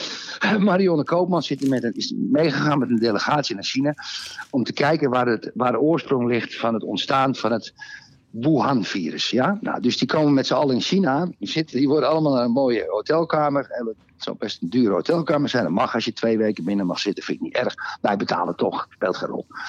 En die, die, die, die moest dus twee weken in quarantaine. En tijdens die quarantaine, eh, tijdens die quarantaine ben ik, ben ik op haar Twitter-account eh, ben ik echt gaan kijken. Ja? En, en het is zo mooi, dit is zo mooi. En er is ene, dat is, die tweet, ik kwam helemaal. Dat is, een tweet van ene Martin de Schrijver. Ja? En die gaf een tweet aan Marion Koopmans. En die, ik weet niet wie dat verder is, daar heb ik geen mening over. En die, en, die, en die man, die Martin de Schrijver, die zegt in die tweet: Marion, ja, vergeet niet elke morgen aan de Chinezen te vragen of ze al gegeten hebben. Dat is een standaard vriendelijkheid in China, waar je zeker sympathie mee scoort. Ja, nee, let op, dat komt. Nee, je kunt het vragen aan ze of dit inderdaad klopt. Nou, let op, Yves. Deze tweet, die geeft die man aan Marion Koopmans. Ja? Wat doet Marion Koopmans? Ja, wat doet, die geeft geen antwoord, maar die retweet die tweet. Ik kijk of, of, ze een antwoord geven. Van, nou, Martin, dankjewel voor de tip. Ja, nee, nee. Die, die, die, die retweet, die achterlijke tweet van die gozer. Dat zij aan Chinezen moeten vragen of ze lekker ontbeten hebben. Of ze al gegeten hebben. Staat er letterlijk. Dat is een standaard vriendelijkheid in China. Nou, die, ik kom mijn hele leven al in China. In de tijd dat het nog allemaal communisten waren. Echt 30 jaar, 35 jaar geleden was een grote pak ellende. Ik heb nog nooit aan een Chinees moeten vragen of ze al gegeten hebben. Meneer, weet je, hoe gaat het mooi weer? Nee, heeft u al gegeten? Ja, het is. Eh, maar, en dan gaat ze dat retweeten. Nee, maar het, is, het, zijn, het zijn gewoon schoolreisjes, joh. Het is ook weer op kosten van de staat. Ik weet, je, ik weet nog, ik heb ooit in, in, in, in, in Shanghai had ik een grote beurzen georganiseerd. En toen had ik de eer om een keer een avond uh, op, een, op, een, op een groot feest zoals dat zat ik naast de burgemeester van Shanghai. En dat is echt, Erik, groot hè, is dat. dat is, uh... Ja, die heb ik ook ontmoet hè, Yves? Die heb ik ontmoet. Maar die ging spugen. Ja, dat, ja. Dat, dus, dus, ik zeg, wat is die gozer aan het doen? Ja, ja, je moet spugen, dat is respect. Dus ik ook maar spugen en zo. Nou, was en, zijn neus, en zijn neus ophalen zo. Ja, ja, ja precies. En er was nog geen corona, dus uh, we spuugden gewoon vrolijk mee. Ja, dat zijn allemaal van die rituelen. Net zoals in Japan, dat als je een visitekaartje in je handen krijgt... dan moet je hem even vasthouden met twee, twee handen. En dan kijk je naar het kaartje en dan buig je zo. Prima. Maar wij weten Erik, even korte prognose. Wat wordt het uh, resultaat van het bezoek van Marjan Komans? Dan zit ze over twee weken weer bij Jinek of in een ander programma. En wat gaat ze dan zeggen? 80 pagina rapport met een eindconclusie. Het is goed mogelijk, maar het is ook goed mogelijk van niet. Exact. Oké, volgende punt. Ja, meneer. Ehm Paul van Riesen, nieuwe, ja, nieuwe hoofdredacteur van de Quote. Ik heb hem maandag heb ik hem, uh, uh, in de podcast Uitblinkers. Heb, ik heb aan jou de vraag. Heb je één vraag voor hem? Die ga ik hem nog stellen. De vraag van de vlieger. Wat wil je dat ik vraag? Ja, wat wil je dat ik vraag aan Paul van Riesen? Hoe heb je in godsnaam onder die Mongool van Sander Schimmelpenning kunnen werken? Dat kantoor Oké. Hoe kan zo'n zo gemaakt links... Hoe gemaakt heb links je, mannetje. Wacht even, hoe heb je in godsnaam... In godsgodesnaam onder die Mongool. Mongool van een Sander Schimmelpenning kunnen werken. Oké, nou ik ga dat iets anders zeggen, maar... En, en, maar je moet er wel bij schrijven, ik heb met Paul van Riezen uitstekende ervaringen. Dat is echt belangrijk dat je dat tegen hem zegt. Mhm. Ik heb een aantal keren met hem te maken gehad. Ik, ik, dat heeft hij integer en netjes gedaan, hoor, wederhoor. Fantastisch. Uh, ik kwam met alles zijn woord na. kwam met alles zijn woord na. Ik heb zelfs nog een lezing gegeven op, het, op de Erasmus Universiteit in Rotterdam, gezamenlijk met hem. Hmm. Dat was ontzettend leuk. Uh, nodigde hij mij vooruit, want Quote was uit. Hij zei: ik wil, wat, ik wil een wingman hebben. Dus ik, ik, ik maak natuurlijk altijd grapjes met mijn lezingen. heb ik gedaan, voor niks. Hmm. Voor hem. Ik ben, van, ik ben zeer gecharmeerd van Paul van Eerlijke man.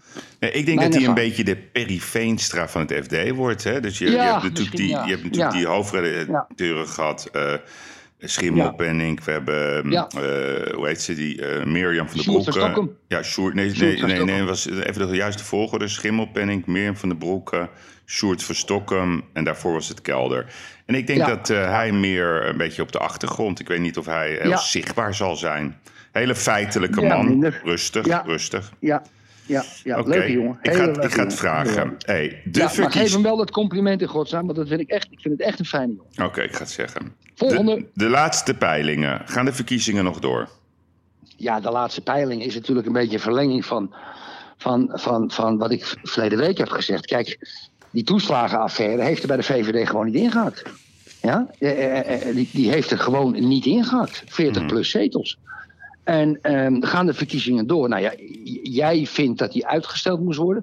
Ik zeg dat moet je altijd door laten gaan. Hmm. Maar ik denk, Yves, dat die uitgesteld gaat worden. Zeker met die gekke reactie die ik van het ministerie van Binnenlandse Zaken kreeg. Ja. Uh, zondagavond om 9 uur 30. Ja. Over mijn bewering dat ze daar al over aan het praten waren.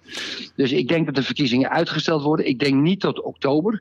Het is in het grote belang van de linkse partijen D66 en, en GroenLinks dat de verkiezingen uitgesteld worden, want die staan slecht in de peilingen. Elke keer als Sigrid Kaag, die komt als meeste politicus op televisie, uh, zak, ze, zak ze in de peilingen. Dat komt, mensen vinden dat niks. En, um, maar ja, Rutte is natuurlijk wel de baas van Nederland. En die staat er goed voor. Dus hij zou wel gek zijn als hij de verkiezing uit ging stellen hier. Ja. Hij zou wel gek zijn. Hij staat helemaal op winst. Ja, nee, dat klopt. Alleen Kijk, de reden, ik ben natuurlijk uh, verkiezingen forever. Alleen volgens mij, en dat zien we gewoon iedere dag met, met al die chaos uh, van elk, elk vraagstuk wat er ligt. We hebben even een ander probleem. En ik, ik wil gewoon eerlijke verkiezingen. Ik wil dat iedereen gewoon naar het stemhokje kan gaan. Iedereen moet zijn stem kunnen laten horen. Ik vind ook dat bij verkiezingen... Ze willen, ouderen, ze willen ouderen al bij de brief laten stemmen. Ja, mevrouw ja, ja. Oorlongren. Hè? Ja, Gevaarlijk. Ja, mevrouw Oorlongren. Kijk, ik, Erik, verkiezingen moeten eerlijk zijn. Er moet campagne gevoerd kunnen worden. Dat is, dat is eigenlijk waarom ik vind dat het moet worden uitgesteld. En ik vind ook dat er mhm. op dit moment even iets anders aan de hand is. Dat is, dat is eigenlijk mijn enige reden. En wat is het probleem? Alles wordt uitgesteld, behalve de verkiezingen. I, I, I, don't get it. Kijk, er zijn een paar principes. Eén, je moet het leger nog niet inzetten, dat vind ik een principe. En twee, uh, je moet verkiezingen niet uitstellen. Oké. Okay. Hey, dat moet je gewoon door laten gaan. Maarten de Gruiter. Nee, nee, nee, wacht één seconde. We hebben super researcher Jossieman. Die heeft voor ons even uitgezocht wie tot nu toe, hè, dat is sinds, uh, even kijken, sinds 2019 tot nu. Wie, wie geeft er het meeste geld uit op social media? Heel leuk uh, staartje heb ik net even op mijn bureau gekregen. Je bedoelt van de politieke partijen? Ja, dus Facebook, Google, YouTube. En dan heb je twee mhm. componenten. Je hebt zeg maar de component mhm. partij.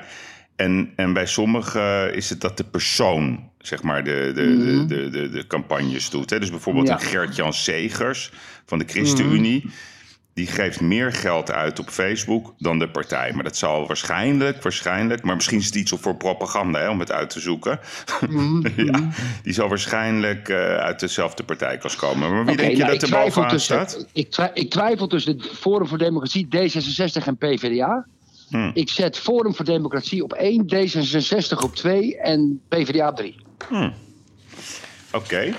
Nou, op 1 maar dat wist ik al, want ik was bij die beruchte uh, bijeenkomst natuurlijk op de Amerikaanse ambassade. Toen hebben ze hun gedachten uh, laten zien hè, waarom ze op social media de grootste zijn.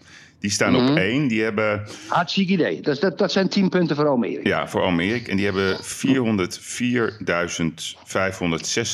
euro uitgegeven aan Facebook en Instagram.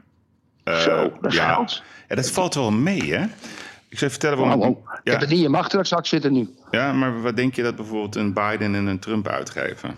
Ja, Yves, Nee, maar gewoon, wat denk je? Ja, ja, wacht eventjes. Je zit nu een trapauto met nee, een maar, Boeing 7, Nee, maar gewoon even... Oké, begrijp ik. Maar gewoon even ter vergelijk. 109 miljoen euro, pp. Ja, ja, dat vind ik nog weinig. Maar goed, dus, dus, dus, dus uh, Forum voor de Democratie staat uh, bovenaan. Uh, Baudet zelf 11.926 euro. Ik neem aan dat het ook uit hetzelfde potje komt. Op twee de VVD. Met, Echt waar? Ja, 190.849 euro.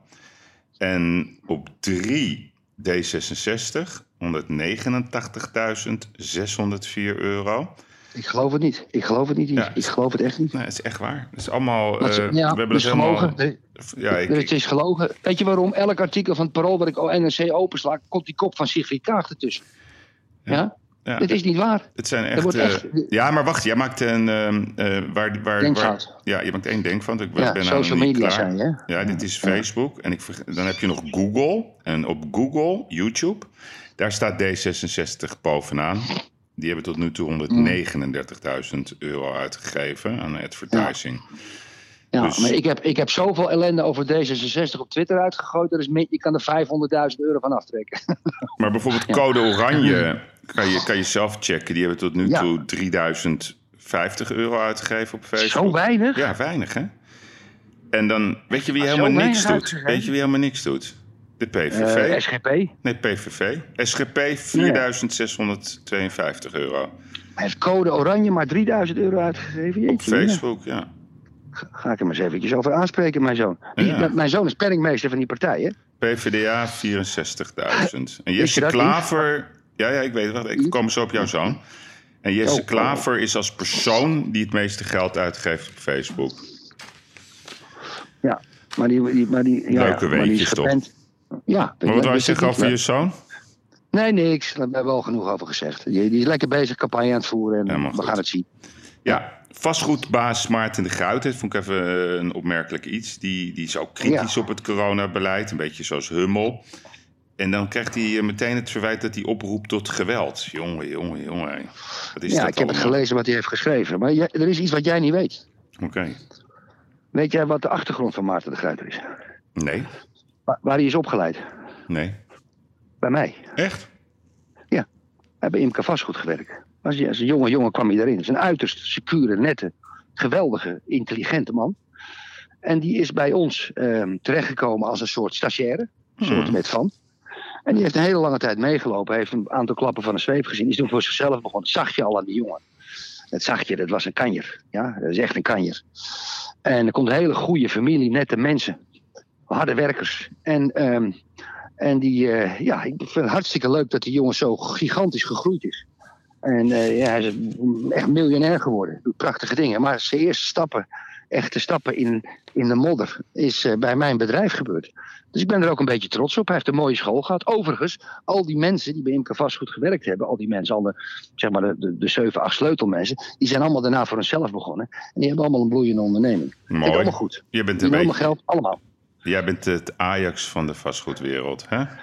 Jeugdopleiding, hè? De jeugdopleiding. Jeugdopleiding. Hey, EK Ja. met of zonder publiek? Zonder, zonder, zonder, Ja? zonder. Ja, ja, ja. ja, ja ook niet 10.000, daar heb ik geen zin in. Gewoon zonder. Ja, Gewoon lekker voetballen, gaan we zien. ja, ja. En eh, Nou, prima, ik- geluid kunnen wij. Ja. Maar, je moet, maar wat ze wel moeten doen, ze moeten. Kijk, die televisie, die, die nepgeluiden van het publiek, dat moeten, ze, dat moeten ze weglaten. Ze moeten met het EK moeten ze drie commentatoren hebben, ja, die elkaar telkens afwisselen. En die ook een discussie hebben van nee, dat is helemaal geen overtreding. Ja, dat is wel een overtreding. Dat het boeiender wordt. Kijk, het commentaar van één eh, eh, sportreporter, eh, nu is de bal naar hij, hij speelt hem op links en hij ziet hem zus en zo. Nee, drie gasten naast elkaar. Ja, misschien ook met een blokje onder tijdens de uitzending, dat je ze ook kan zien. En die ook met elkaar in de tijdens de wedstrijd met elkaar in discussie gaan. Zoals wij dat met z'n tweeën zouden doen als we naar een voetbalwedstrijd kijken. Ja, ja, jij zegt, dat is een overtreding. Ik zeg, nee, het is helemaal geen overtreding. Kom je daar naar bij? Wat een Ja, maar hij bedoelde het goed. Dus ik Ja. denk dat ze een beetje door, het af, door, het, eh, eh, door de afwezigheid van het publiek... moeten ze daar iets anders op verzinnen. Ja. John de Mol. Ja, nou ja, ik, ik, ik denk dat er wel publiek komt, maar dat eh, het zal verschillen per land. Oké, dat gaan we zien. Veel ratten in de rivierenbuurt. Ik las een stuk, jongen, dat is een zootje, Ja. jongen, in de rivierenbuurt in Amsterdam. De ratten lopen de winkels in. Je trapt erin, Yves. Jij trapt er... Je, je weet, je, je- jij stuurde dat stuk ja, en jij trapt erin. Kijk, ik ga je precies uitleggen. Oh ja. Ik woon in het centrum van Amsterdam. Ik neem Ja. even een Marlboro Light. Een Marlboro Light. Marlboro- hoe, wat voor merk aansteker heb je? Eh, Ik, ik, ben, ik word gesponsord door BIC. B-I-C. BIC. Ja. Ja, er was vroeger een reclame. Drie biks bijna voor niks met Wacht die even, pennen. ja. Kan je je Dus maak ook even het geluidje van de BIC. Bam, zo. Oké. Waarom? Ik trap erin, ik trap erin. Jij trapt, in, jij, trapt in, jij, trapt, jij trapt in iets waar je niet in zou mogen trappen, lieve vriend. Kijk, wij hebben ons verbaasd over het feit dat die, die, die, die donkere ehm, redactrice van, of die, die, die, die opeens zit, die prachtige vrouw, hoe heet ze ook alweer? Eh, Giovanka Ostiana. Ja, ja die, die, die begon opeens op een, op een zondagavond naast Pauw, geloof ik. Of, eh, en die zei, ja, toen die kinderopvang werd gesloten, zei ze, toen was opeens, werd het een onderwerp bij op één, dat die kinderopvang gesloten werd, want dat raakte hun zelf. Ja? Dat begrepen ze eerst niet. Ja, want ze, ze begrijpen onderwerpen niet die, die het hun niet pijn doet. Hè, Hmm. Toeslagaffaire praten ze over, maar het doet hun niet pijn. Nou, dus die, dat meisje, die, die vrouw, die zei: ja, hoe kan het nou? En dit, dit, het werd een hele discussie, want die had zelf waarschijnlijk kinderen. En die werd geraakt daardoor. Nou, in Amsterdam, ja, in het cent Amsterdam, als je de kelder open doet, in principe in het grachtenpand heb je 80 centimeter water.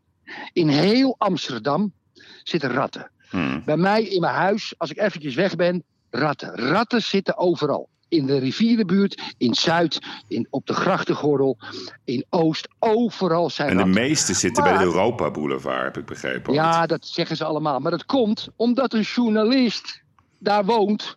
En die heeft last van ratten. En die schrijft er een artikel over. Hmm. Dat is precies hetzelfde als die Jovanka. Opeens raakt het ze.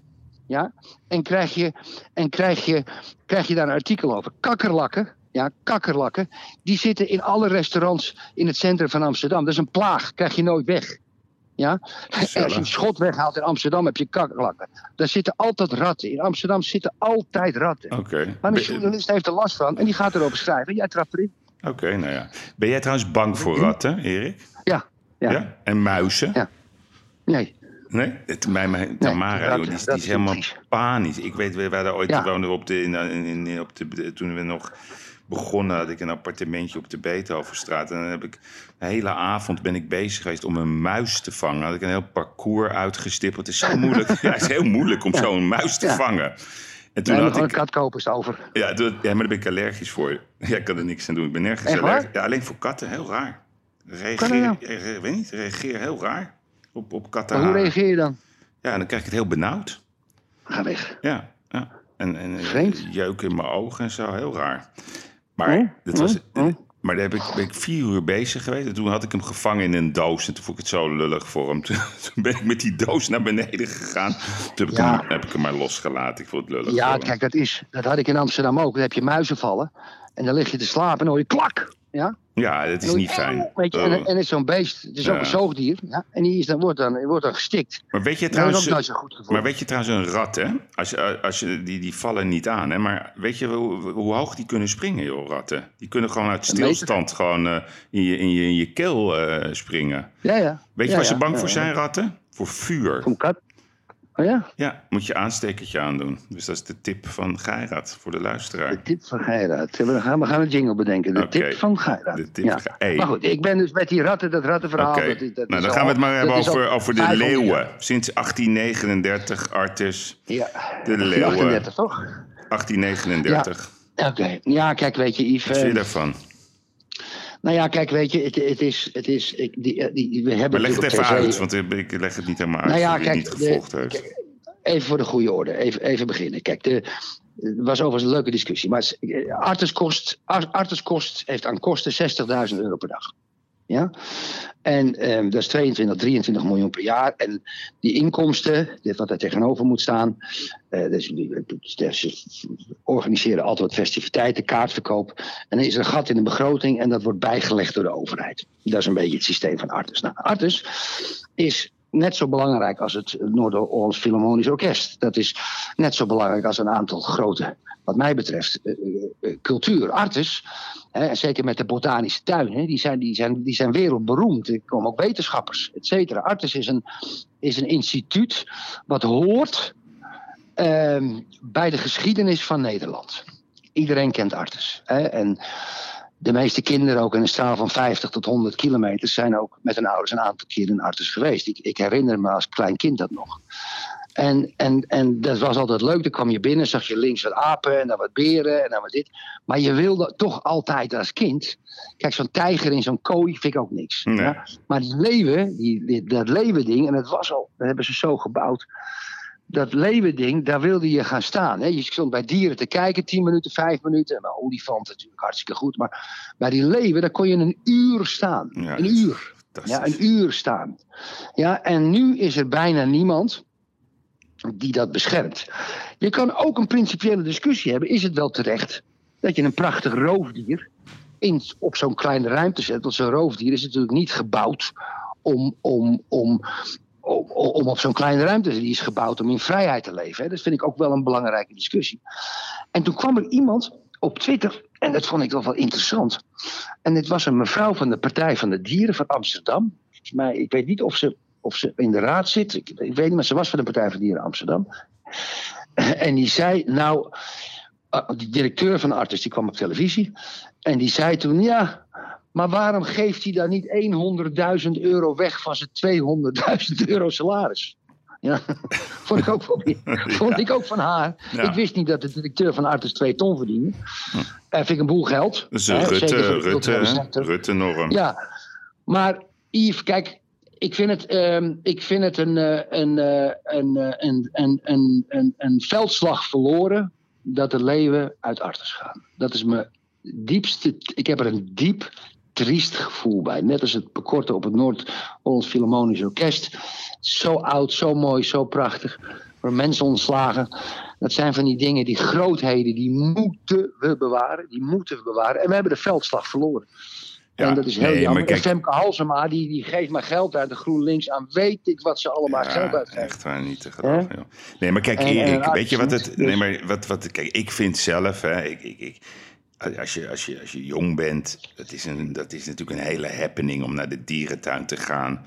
Of Ja. het nou de zeekoe is, of het is de slang, of het is de vogelspin. Maar uiteindelijk de leeuw, oog in oog met de leeuw. Het is prachtig. Ja. En ik ben het helemaal met je Ja. eens. Leeuwen horen natuurlijk in het wild, in Afrika, in ruimte te hebben. Maar ja, Ja. je moet ook de leeuw beschermen, weet je. We weten ook dat in, in dat soort landen natuurlijk eh, beesten gewoon worden neergeschoten voor de handel. Dus Ja, Amerikaanse jagers, hè? Veel Amerikaanse jagers. ja, en, en, en, en, en, en de liefde van de verzorgers voor de dieren, die, die, Mhm. die, die is geweldig. Ik, ik vind zelf, ik hoop eigenlijk, hè, want die, die, die man die had een, ehm, een goed verhaal. Eh, ja, er werden ook allerlei moeilijke vragen aan hem gesteld of het een PR-stunt was. Hè. Waarom kunnen de leeuwen dan niet blijven? Nou, heeft hij keurig uitgelegd. Hè. We mogen niet open. Dus dat is ook weer iets van de crisis. Kijk, vandaag Mhm. is het Artus, morgen is het het Concertgebouw en volgende Ja. week is het Carré. En op een gegeven moment denken we, ja, het maakt allemaal niet uit. Hè? Dus als we alles uit. maar dicht houdt, dan zal alles in elkaar gaan storten. Weet je, we hebben Ja. gezien Ja. dat eh, op de voorpagina van alle kanten staat nu dat er maar liefst 487 miljard euro aan spaartegoed is in Nederland. Ja, als er niks meer wordt uitgegeven, dan stort alles in elkaar. En Ja. mensen moeten echt begrijpen dat we zijn samen de economie. Het is niet een eenzijdig verhaal. De enige vraag is, wanneer ben jij aan de beurt? En dat Ja, is, en dat is? Ja, maar dat is het verhaal van, van, van Jovanka. Die, die had het in het begin Precies. niet door. Totdat Nee. haar kinderen niet naar school maken. Dat is een beetje die Juist. egoïstische samenleving. Ja, ja, dat is onbegrip hoor. Ze denken niet verder. Die, Nee, het is geen slechtigheid. Het is meer gewoon dat, Nee, dat wij wel... het is een beetje dun. Nee, maar we geven wel een winstwaarschuwing. Dat een, een crisis, hè, als, als dat, dat gaat in stappen. Dus ja, iedereen moet zich wel realiseren dat, dat die op een gegeven moment ook aan de beurt is. Als je niet eh, een slimme eh, Ja. exit, om het zo maar te noemen, Ja, gaat realiseren. ja, Nou, oké. Lang leven de leeuw. En ik denk, ehm, het zou mooi zijn als er een ondernemer opstaat. Zoals bijvoorbeeld Naturalis, wat ik heel mooi vind. Eh, bij Leiden Mhm. is dat. Dat weet ik dat eh, Pieter Zwart van Coolblue... die heeft een enorme fascinatie voor dinosaurussen. Die steunt dat. Daar roept hij helemaal niks Mhm. over. Ik roep dat dan maar even. Misschien zijn er wat ondernemers die denken... nou, ik heb een, eh, een diepe, diepe charme. Hè, zoals Marcel Boekhoorn dat heeft met zijn oude Hans Dierenpark. Misschien zijn er wat Mhm. ondernemers die het goed hebben gedaan in 2020.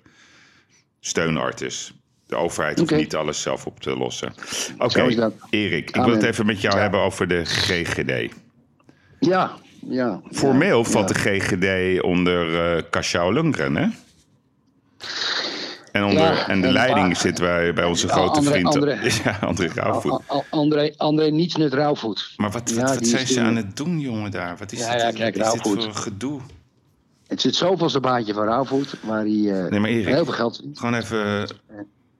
Kijk, ik heb gehoord, kijk, ik heb de Rolodex waar ik het over had, mijn, een van mijn be- beste vrienden is chirurg geweest. Een tragisch ongeluk kan hij zijn beroep niet meer uitoefenen. En die zegt tegen mij, Erik, dat die gasten bij de GGD, dat, zeker in die leiding, dat zijn de meest luie mensen ter wereld. Ja, die, daar heb je niks aan. Ook hij, hij heeft natuurlijk met ze samengewerkt met, in noodgevallen en dingen. Hij daar heb je helemaal niks aan. Het zijn natuurlijk mensen die in de blubber staan, die doen gewoon hun werk, krijgen een salaris. Maar hij zegt voor de rest, ik, ik komt geen boer of ba uit. Nou, de, het datalek, want daar ga je natuurlijk ook naartoe. Hmm. Kijk, als, als wij een bedrijf hebben, Yves, kijk, wij, wij, hebben, nee, wij hebben een bedrijf. En wij besluiten met z'n tweeën, of jij besluit het in je bedrijf, of ik besluit in mijn we gaan iets nieuws doen. Ja, we, gaan, we gaan iets doen, een nieuw initiatief, een overname, een nieuw idee, een werk voor wat, zo, zo, zo. Ga je zitten met je mensen, verantwoordelijke mensen, uitvoerende mensen. En dan ga je opschrijven, eh, waar liggen de risico's? Ja? Waar kan het fout gaan? Ehm, hoe gaan we dat eh, vooruit pareren? Ja. Er is dus niemand er is dus niemand die gezegd heeft, niemand, niemand, niet die daar werkt, laag, midden, hoog. Er is niemand van de politici die er uiteindelijk verantwoordelijk zijn, Ollongren of haar ambtenaren, laag, midden, hoog, die gezegd heeft: wat doen we met de data? En, en zijn die data van die mensen, zijn belangrijke data, het gaat over een heleboel belangrijke dingen. En die data zijn geld waard. Kijk, dat wordt door criminelen, ja, worden data's van mensen worden verkocht. En die komen bij callcenters, je krijgt brieven, je komt op lijsten. En is een Audi koper, een Renault koper, een ditje. Weet je, dan word je opeens gebeld. Ik word ook wel eens opeens gebeld door een of andere kerel uit Singapore. En die wil me dan uh, commodities verkopen, want die weet dan dat ik een ondernemer. Hoe weet hij dat? Nou, dus die data, daar wordt in gehandeld. Maar er is dus niemand die gedacht heeft die, de, die, de, die, de, die, die een seconde verder heeft doorgedacht een seconde. En die heeft gezegd: jongens, kan die data niet gelijk worden? Niemand. Ja? Totdat er iemand van de journalistiek of iemand die zegt: jongens, die data wordt gelekt. En dat wordt dan een schandaal. En dan komt dan een debat over. En dan gebeurt er weer niks. Maar, Yves, komt onderzoek. We, worden, we worden bestuurd door onbeschrijfelijke prutsers. Ja, nee, maar het is gewoon incompetentie. Hè? Weet je, laten we dat gewoon maar zo benoemen. Want kijk, buiten het feit van de datalek. Hè? Dus, dus, dus gaan we even weer terug naar de tekentafel. Wij krijgen de opdracht om, om die vaccinatie in Nederland te organiseren. Nou, dan gaan we gewoon toch zitten. Weet je wat ik had gedaan? Ik had alle voetbalstadions gebeld. Ik had gebeld met de Arena. Ja, die kunnen, die kunnen 50.000 man op één moment aan. Is helemaal perfect daar onbeperkt aantal zalen. Je kan er parkeren, je kan er naar binnen, je kan eruit. Die zijn gewend aan logistiek. Dat kan je ook doen met het stadion van Utrecht. Die is er ook voor gerouteerd. Dat kan je zelfs doen met de Kuip, het stadion van Groningen. Dat is optie 1. Tweede optie heb ik al een keer eerder aangekaart. We hebben in Nederland 1500 supermarkten, inclusief koolopslag. Dat doen ze dus nu in Engeland dat moet ook gewoon daar gewoon via geregeld worden. Hoe moeilijk kan het zijn om gewoon een structureel logistiek uh, probleem, een logistieke uitdaging, te doen met bestaande infrastructuur? En dan zitten ze daar van die hokjes te timmeren met schroevendraaiers. En dan krijgen we dat te zien op tv. Dat is alweer twee maanden geleden. En we hebben het nog steeds niet voor elkaar. Ja, maar Yves, kijk. Maar Erik, wij gaan, ja, maar, ja. ik kan er niet meer naar kijken. Dat is ook het geld van, van, van, van jou, het is het geld van mij, het is het geld van ja, Artis, het is het geld van Carré, het is het geld van alles en iedereen. Het is gewoon, het is gewoon onwaarschijnlijk waar we naar zitten te kijken. Ik verplicht toch alle journalisten van Nederland om naar onze podcast te luisteren. Kijk, we hebben gewoon een weken geleden al dat we zeiden: er moet iemand komen. Ja.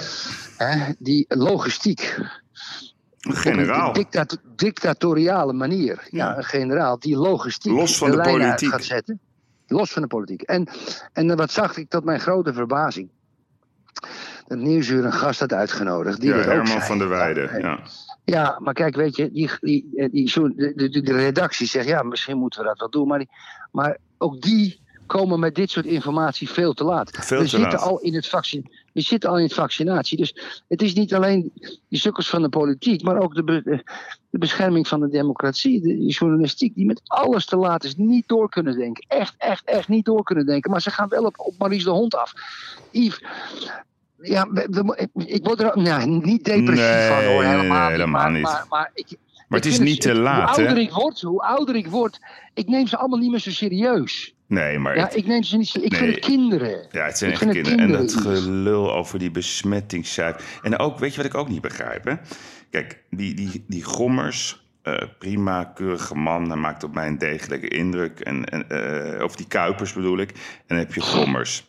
Maar Erik, dat, dat, dat zijn de mannen van de IC. En dan vraagt zo'n even, oh, en, en mogen we dan weer? En, maar ze gaan over de IC. Ik wil toch even een compliment maken voor Marcel van Roosmalen. Hebben we wel eens een akkefietje mee gehad. Ja. Maar die had een fenomenale column op Radio 1. Echt schitterend. Ja, fantastisch. Echt waar. Ik, eh, ik zou zeggen, iedereen moet daar naar luisteren. Maar het is een onkunde. En wat ik niet begrijp, en dan kom ik toch bij Jaapie van Dissel... die moet daar zitten... Hij is verantwoordelijk. Hij bepaalt de looplijnen van Nederland. Hij moet uitleggen wat zijn plan is. En hij moet de hele tijd bevraagd worden. Hij heeft geen plan. Hij heeft, geen, plan. Maar hij, is degene die daar moet zitten. Moet, ja, maar het plan moet... kijk, we, we, moeten alleen maar een logistiek plan hebben. Ja. Niet? Nee, maar je moet het lossen. Ik, het, ik, we gaan nog één keer een oproep doen aan de politiek. Trek het los van de politiek. Maak er gewoon een logistiek proces van. Maak één iemand verantwoordelijk met crisiservaring, met logistieke ervaring. En Hugo de Jonge, alsjeblieft, bemoei je er niet meer mee.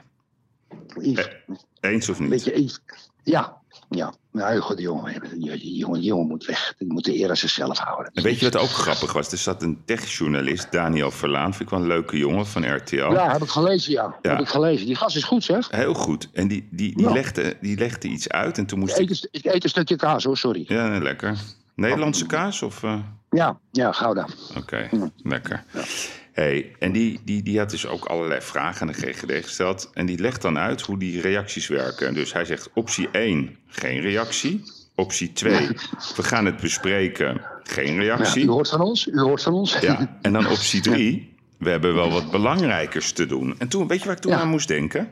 Aan Jaapie van. Dissel. Want wij, hebben, wij hebben Jaapie honderd keer de vraag gesteld... hoe zit het met die 6 miljoen? Van jou, ja. Ja, ja, ja, ja, die die in eh, maart had veiliggesteld via een vermogensbeheerder. Waar wij gewoon nieuwsgierig, en we blijven daar nieuwsgierig naar. En we blijven de disclaimer roepen. Ja, Aangetekende brief gestuurd, mails erover Zes keer gestuurd. gemaild nu, zes Ja. keer gemaild heb ik nu. Onder andere naar de Universiteit van Leiden. Geen antwoord. En wat was het, het antwoord wat we toen uiteindelijk kregen? Er is wel wat belangrijkers aan de hand. We moeten het virus samen bestrijden. Ja, ja. Dus het Ja. is een patroon. Het is een patroon. En dan komt Ab Osterhuis, die zit gisteren weer te vertellen. Testen, testen klinkt hem als muziek in de oren. Testen, testen. te- Wat denken wij dan, Erik? Als hij de hele tijd roept testen, testen, testen. Ja. Ja. Ik, wat denken we dan? Ik denk aandeeltjes. Hij zal wel weer Ja, ergens... Ja, er stond vanochtend weer een heel belangrijk artikel in de FTM. Ja. Dat is, dat moet ik even voorlezen. Dat heb je gemist vijf minuten voor de, deze podcast begon. Dat is het ministerie van, van Volksgezondheid.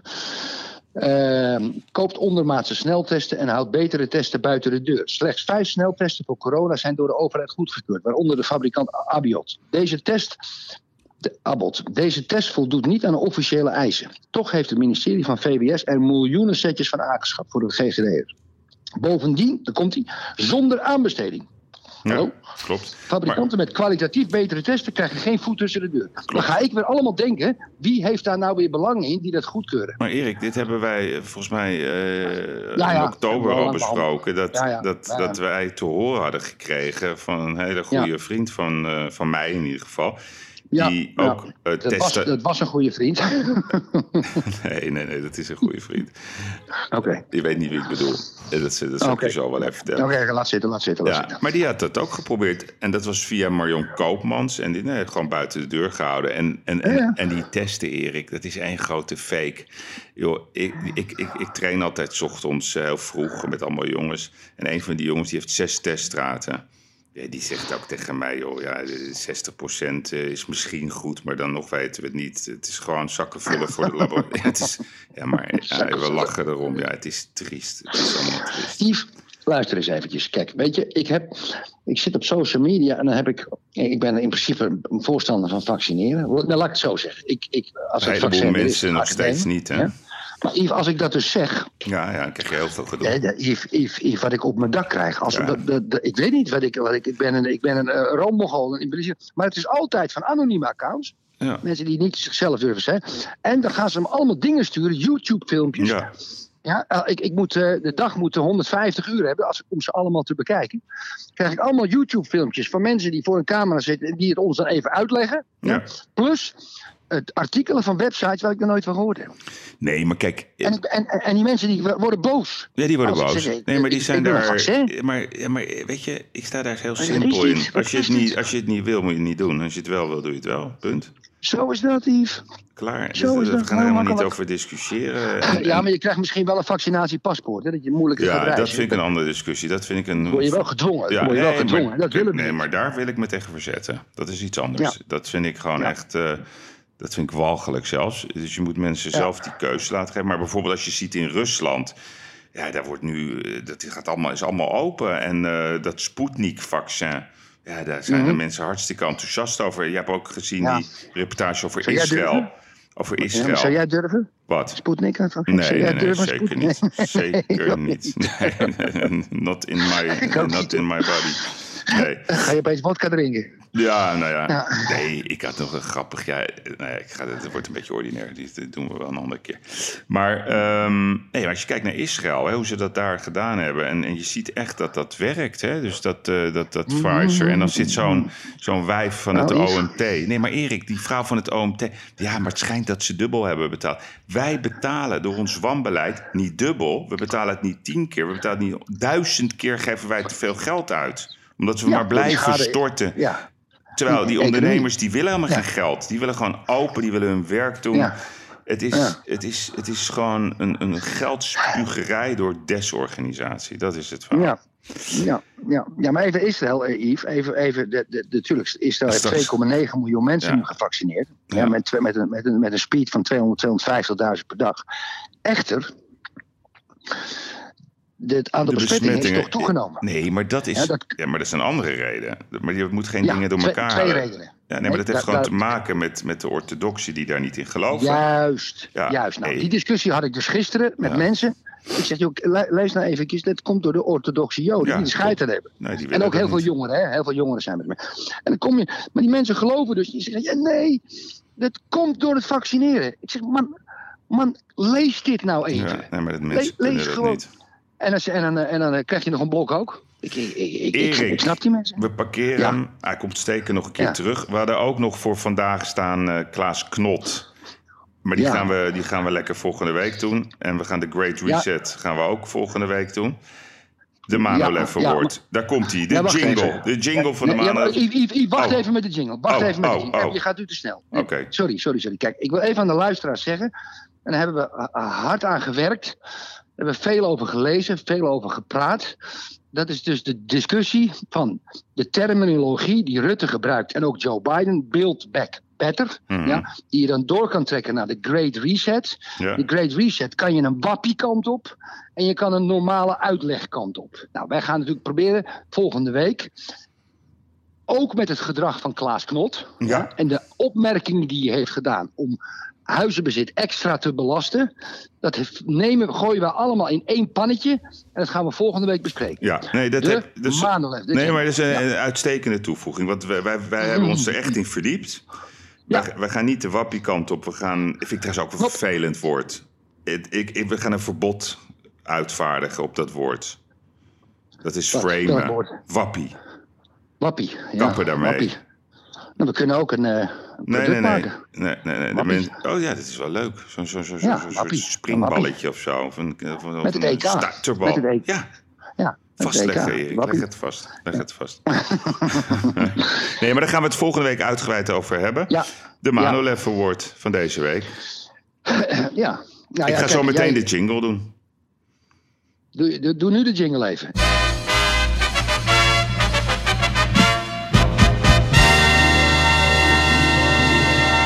Nou, kijk. De eerste van Mijn 2021, hè?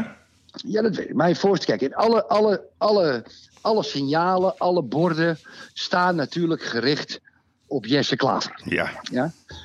Maar ik vind, ik vind de tweet van Jesse Klaver van zo'n ongekende gemeenheid. dat ik weiger hem zelfs te vereren met de Maandelef Award. De Maandelef Award is een soort afzeiker. Maar ik vind de afzeiker niet groot genoeg. Dus hij krijgt hem niet. Wat mij betreft krijgt het 4 mei-comité het. Gerdy Verbeet, Nicky Sterkenburg. ehm, ehm, door Abdelkader Benali aan te wijzen als eh, de spreker op 4 mei. Ja, Abdelkader Benali, je weet het, ik vind het een begenadigd schrijver. Ik mag hem. Hij heeft iets gezegd. Hij had toch moeten gaan. Scheid aan en moeten uitleggen. Heb ik een hele theorie gegeven aan Joop Suzan gisteren. Hij heeft het niet gedaan. Prima, hij heeft gestopt. Maar de domheid en de, de dunheid van de, die mensen van het 4 mei-comité... die niet eventjes hebben gekeken wat er in het verleden door Abdel Kanali gezegd is... over en Israël en de Joden over zijn algemeenheid... en tegen eh, Oppenheimer van, van, van de cartoonist van het NRC... Zeer kwalijke dingen, kwalijk slechte dingen gezegd. Dat had ook met het Jodendom te maken. Dus maar goed, het, het zij zo. Maar dat die commissie de luiheid hebben om daar niet even enig onderzoek naar te verrichten, krijgen ze voor mij. al- Dat moet natuurlijk democratisch gebeuren. Wij zijn met z'n tweeën onze democratie van de podcast. Hmm. krijgen ze van mij de Maandelef Award. Oké. De 4 mei commissie. Heb je trouwens een muntje bij je? Hmm. Jezus, Mina, wacht even, die heb ik niet, niet op gerekend. Heb ik niet op, nou, ik doe het volgende hier. Nee, maar ik heb een andere nog Nee. voor je. Nee, maar ik, ik, Ja, ja, ik, pleit Oh, voor ja, iemand anders. Ja. Ja, oké. Ik vind, ik vind het, het, het beleid van de GGD en alles wat daarmee te maken heeft en de impact ook die, dit, die deze totale wanprestatie oplevert voor die anderhalf miljoen jongeren, ja, die kinderen die nog thuis zitten, die Mhm. tienduizenden kappers, die 86.000 winkeliers, die plus 60.000 horecazaken, artis, carré, concertgebouwen, voetbalstadions. Doordat het zo'n wanbeleid is, doordat er zo niet wordt nagedacht over wat ze moeten doen, dan ga ik naar de eindverantwoordelijke, want zo denk ik altijd. En formeel valt de GGD heel simpel onder Kasia Alongeren. Zij heeft wel tijd om verkiezingspraatjes te houden bij M. Ja, waar we een keer al gemeld hebben dat de vriendin van Kasia Alongeren maakt M. Ja, dat vind ik al meteen dat ik denk van, De hoezo? levenspartner. Ja, de De levenspartner, de levenspartner. Ja. Zij is verantwoordelijk. Zij is eindverantwoordelijk. Ik vind het zo'n ongelooflijk zootje daar. Mhm. Mijn Manelef is voor Kasia Longeren. Maar jij mag het zeggen. Ja. Ik ben om. Jij wint. Oké, Ja, jij wint. dan komt hij dan. Yves. De eerste Manelef Award van 2021. Kasia Ollongren. Alsjeblieft, hartstikke idee. Sander had trouwens niet gereageerd hè, op zijn zelfreflectiespiegel. Ja. Ik heb hem nog niet op Twitter gezet, maar dat komt wel goed, joh. Oké. Kijk, we hebben Sander, voor de luisteraars, eh, we hebben, omdat Sander eigenlijk de Award van het jaar 2020 had gewonnen, hebben we hem oh, de hashtag zelfreflectiespiegel gestuurd. We hebben naar zijn bedrijf waar hij mee samenwerkt, hebben we een prachtige spiegel en een stift gestuurd. Daar kon hij wat opschrijven en naar zichzelf kijkt. Zodat hij een beetje over zichzelf kan nadenken. Waarvan Ja. akte. Waarvan akte. Hey, en dan nog even over de podcast. Eh, Mhm. Thomas die is nog hartstikke druk bezig. met Thomas Akda. Ja, ja met, met het nummer. Nou, de- Heeft gisteren. hij zijn huis al verkocht? Nee, dus hij zit te klooien. Maar dat is echt werkelijk. Hij heeft helemaal geen idee hoe hij zo'n huis moet verkopen. Ik zie hem Dat moet natuurlijk hij in. ons laten doen, Ja, Yves. ja, dat heb ik hem ook doen. gezegd. Dat gaan we ook Geef het voor. adresjes. Zorg Ja. dat je het adres krijgt. Ga Ja, volgende week het adres. En, hij moet gewoon de En hoogste de prijs week daarna heb ik krijgen. het verkocht. Precies. Ja, natuurlijk. Nou, In Amsterdam is eigenlijk alles een hoge prijs. Als een huis te koop staat, duiken er twintig mensen boven. Ja, en daarom Die super rente, die huis. rente is anderhalf procent. Ja, maar Je koopt, een, je koopt een huis van vijf ton. Je moet 1200 euro per maand betalen. Weet je, of zes ton. Het speelt allemaal geen rol meer. Nee, die dus- lage rente. Dus wat wij gaan doen, eh, we, zijn, we zijn nog niet helemaal klaar. Dus we zijn nog bezig met het bouwen van de website. Eh, we gaan straks Mm. uitleggen wat onze strategie wordt, hoe we dat gaan doen. We gaan, we gaan eh, wel toe naar reclamevrije strategie. En we willen dat de Ja. luisteraars meedoen wie daar zin in heeft. Dus we gaan straks Ja. ook een, eh, ja, een kleine bijdrage vragen per podcast. Dus we worden een beetje Ja. achter een muur concept. Nou, als jullie het daar allemaal niet mee eens zijn, dan horen we het allemaal wel. En we gaan... Ja, kijk. Ja? Ja? Ja, ja, Want wij willen ook onderzoekers hebben. Ja, Ik bedoel, ik, ik, dit, kost me ook 20 uur per week, et cetera. Eh, nu word ik niet van vergoed worden, maar ik wil wel dus die vaste kosten natuurlijk allemaal betaald hebben. Dus eh, dan, ja, ik, helaas gaan we misschien wel wat luisteraars kwijtraken, maar ik hoop de trouwe luisteraars. Maar je moet dat niet gek doen met 5 euro, 6 euro per keer. nee, Je moet er eurotjes. 2 euro, 2 eurotjes doen en vinden mensen, of, en ze kunnen 10 keer voor, voor 17 euro, weet ik veel wat. Ja, we hebben ook al leuke beetje- naampjes voor bedacht. Hè? Dus je kan straks een, eh, een ruttetje kopen, een asjertje, een wiebesje. dan gaan we nog uitleggen wat het... Even zeggen, het is het duurste abonnement als je toch genaaid wil worden. Neem dan een ruttetje. Ja, ja, ja, en als je, het niet, als, je, het- als je het niet helemaal weet, neem je een asjertje. Ja, en ik moet ook een nieuwe installatie hebben hier, Yves. Hè, dat Ja, weet je wel. heb ik zit- gisteren eh, voor je ook geld. ja, heb ik ook voor je uitgezocht. iPhone, dat vind Ja. ik niks. Nee. Gewoon een microfoon met een koptelefoon. Nee, maar het klinkt goed Ja, vandaag. We hebben één, keer, oké. eh, één keer zet je buiten of zo, weet ik veel wat je aan het doen was. Hé hey, vriend, Hebben, hebben we weer een mooie podcast gemaakt of niet? Wat denk jij? Ik, ik kan het nooit beoordelen tijdens. Nou ja, kijk, ik, ik, ik vind het ook altijd moeilijk, hè, omdat we heel veel, we, schieten alle kanten op. We hebben ongelooflijk veel onderwerpen behandeld. Ik zeg Mhm, altijd, de luisteraar bepaalt of het een leuke podcast was. Ik heb er in ieder geval Zeker. een eh, goed gevoel over. Ik vond het een eh, fijn gesprek weer met jou. Lekker man. En eh, ga je nog wat leuks doen vandaag? Ik ga aan het werk. Ik, ga aan het werk. Ik, ga- ik loop nog in mijn pyjama. Ik heb, zo, ik heb niet lekker Ja, geslapen. pyjama? Echt waar? Ja. ja ik wat pyjama, dan? Hoe ziet dat eruit? Ja, gewoon eh, geen eikeltjes pyjama. Ik heb een pyjama met er zitten dollartekens op. Die heb ik wat cash gekregen. En welke Met een kleur? t-shirt en een pyjamabroek. Uh, uh, mintgroen. De, de mintgroene pyjama broek. Ja, maar, maar, maar het logo van mijn bedrijf, Carvere Club, is ook, is ook alles. We hebben in mintgroen. Nou, niet echt heel mint. En, en dan heb je dan een, een t-shirtje erop. Ja, t-shirtje met eh Che Guevara. Hoe kom ik daar nou weer aan? Die zal wel van Maar als, jij slaapt, eh, slaap jij naakt of doe je pyjama aan? Nou, ik, ik slaap eh, de, de, de- november, december, januari, half februari slaap ik met een pyjama aan. En, eh, want ik heb geen verwarming. Ik, dat doe ik niet hier in mijn slaapkamer. Dat vind ik verschrikkelijk. Hm. En dan voor de rest slaap ik naakt. Ja. Ik schijn heel mooi naakt eh, te zijn in bed. Ja? Ja, Wat dan? Hoe Ja. bedoel je dat? ja gewoon, gewoon esthetisch gezien. Het is allemaal heel mooi. Oké, leuk. Je bent helemaal stil. je ja, ik weet de vorige keer... Je bent helemaal, Ja. je bent helemaal stil. Ja, de vorige keer stond je toen onder de douche opeens. Ik denk, gek. Onder de douche, weet je nog? Maar ben jij nu Ja, dist? ben je. jij nu dist? Nee, nee, nee. Dat je zo op die naakstranden Nee, ja, ik ben wel eens op een naakstrand geweest hoor. Maar ja, weet je, kijk, de meeste mensen zijn bloot niet erg mooi, weet je. Dus Ja. ja, en eh, ja, ik, ik, ik, ik heb ook helemaal geen zin om blote mannen piemels te zien. Ik kan wel Nee, een blote vrouw kijken, maar ja, ik, dat vind dat precies. niks. Ik vind Nee, dat dat niks. vind ik ook. Maar ik heb niet, geen moeite met naakt of zo. Ach, we zijn allemaal... Nee, ik ook niet. We komen naakt en we gaan naakt. hey, Erik, naakt, ja. lieve vriend, ik, ehm, Yes. ik bedank je weer voor je mooie bijdrage. En eh, volgende week zijn we er weer, luisteraars. Ja? Okidoki. Dag luisteraars, dag Yves. idee. Hoi hoi. Bye bye. Fijn weekend. Bye, bye. Dit was de Gigs van deze week. Ik hoop dat u genoten heeft. Volgende week ben ik er weer met Erik.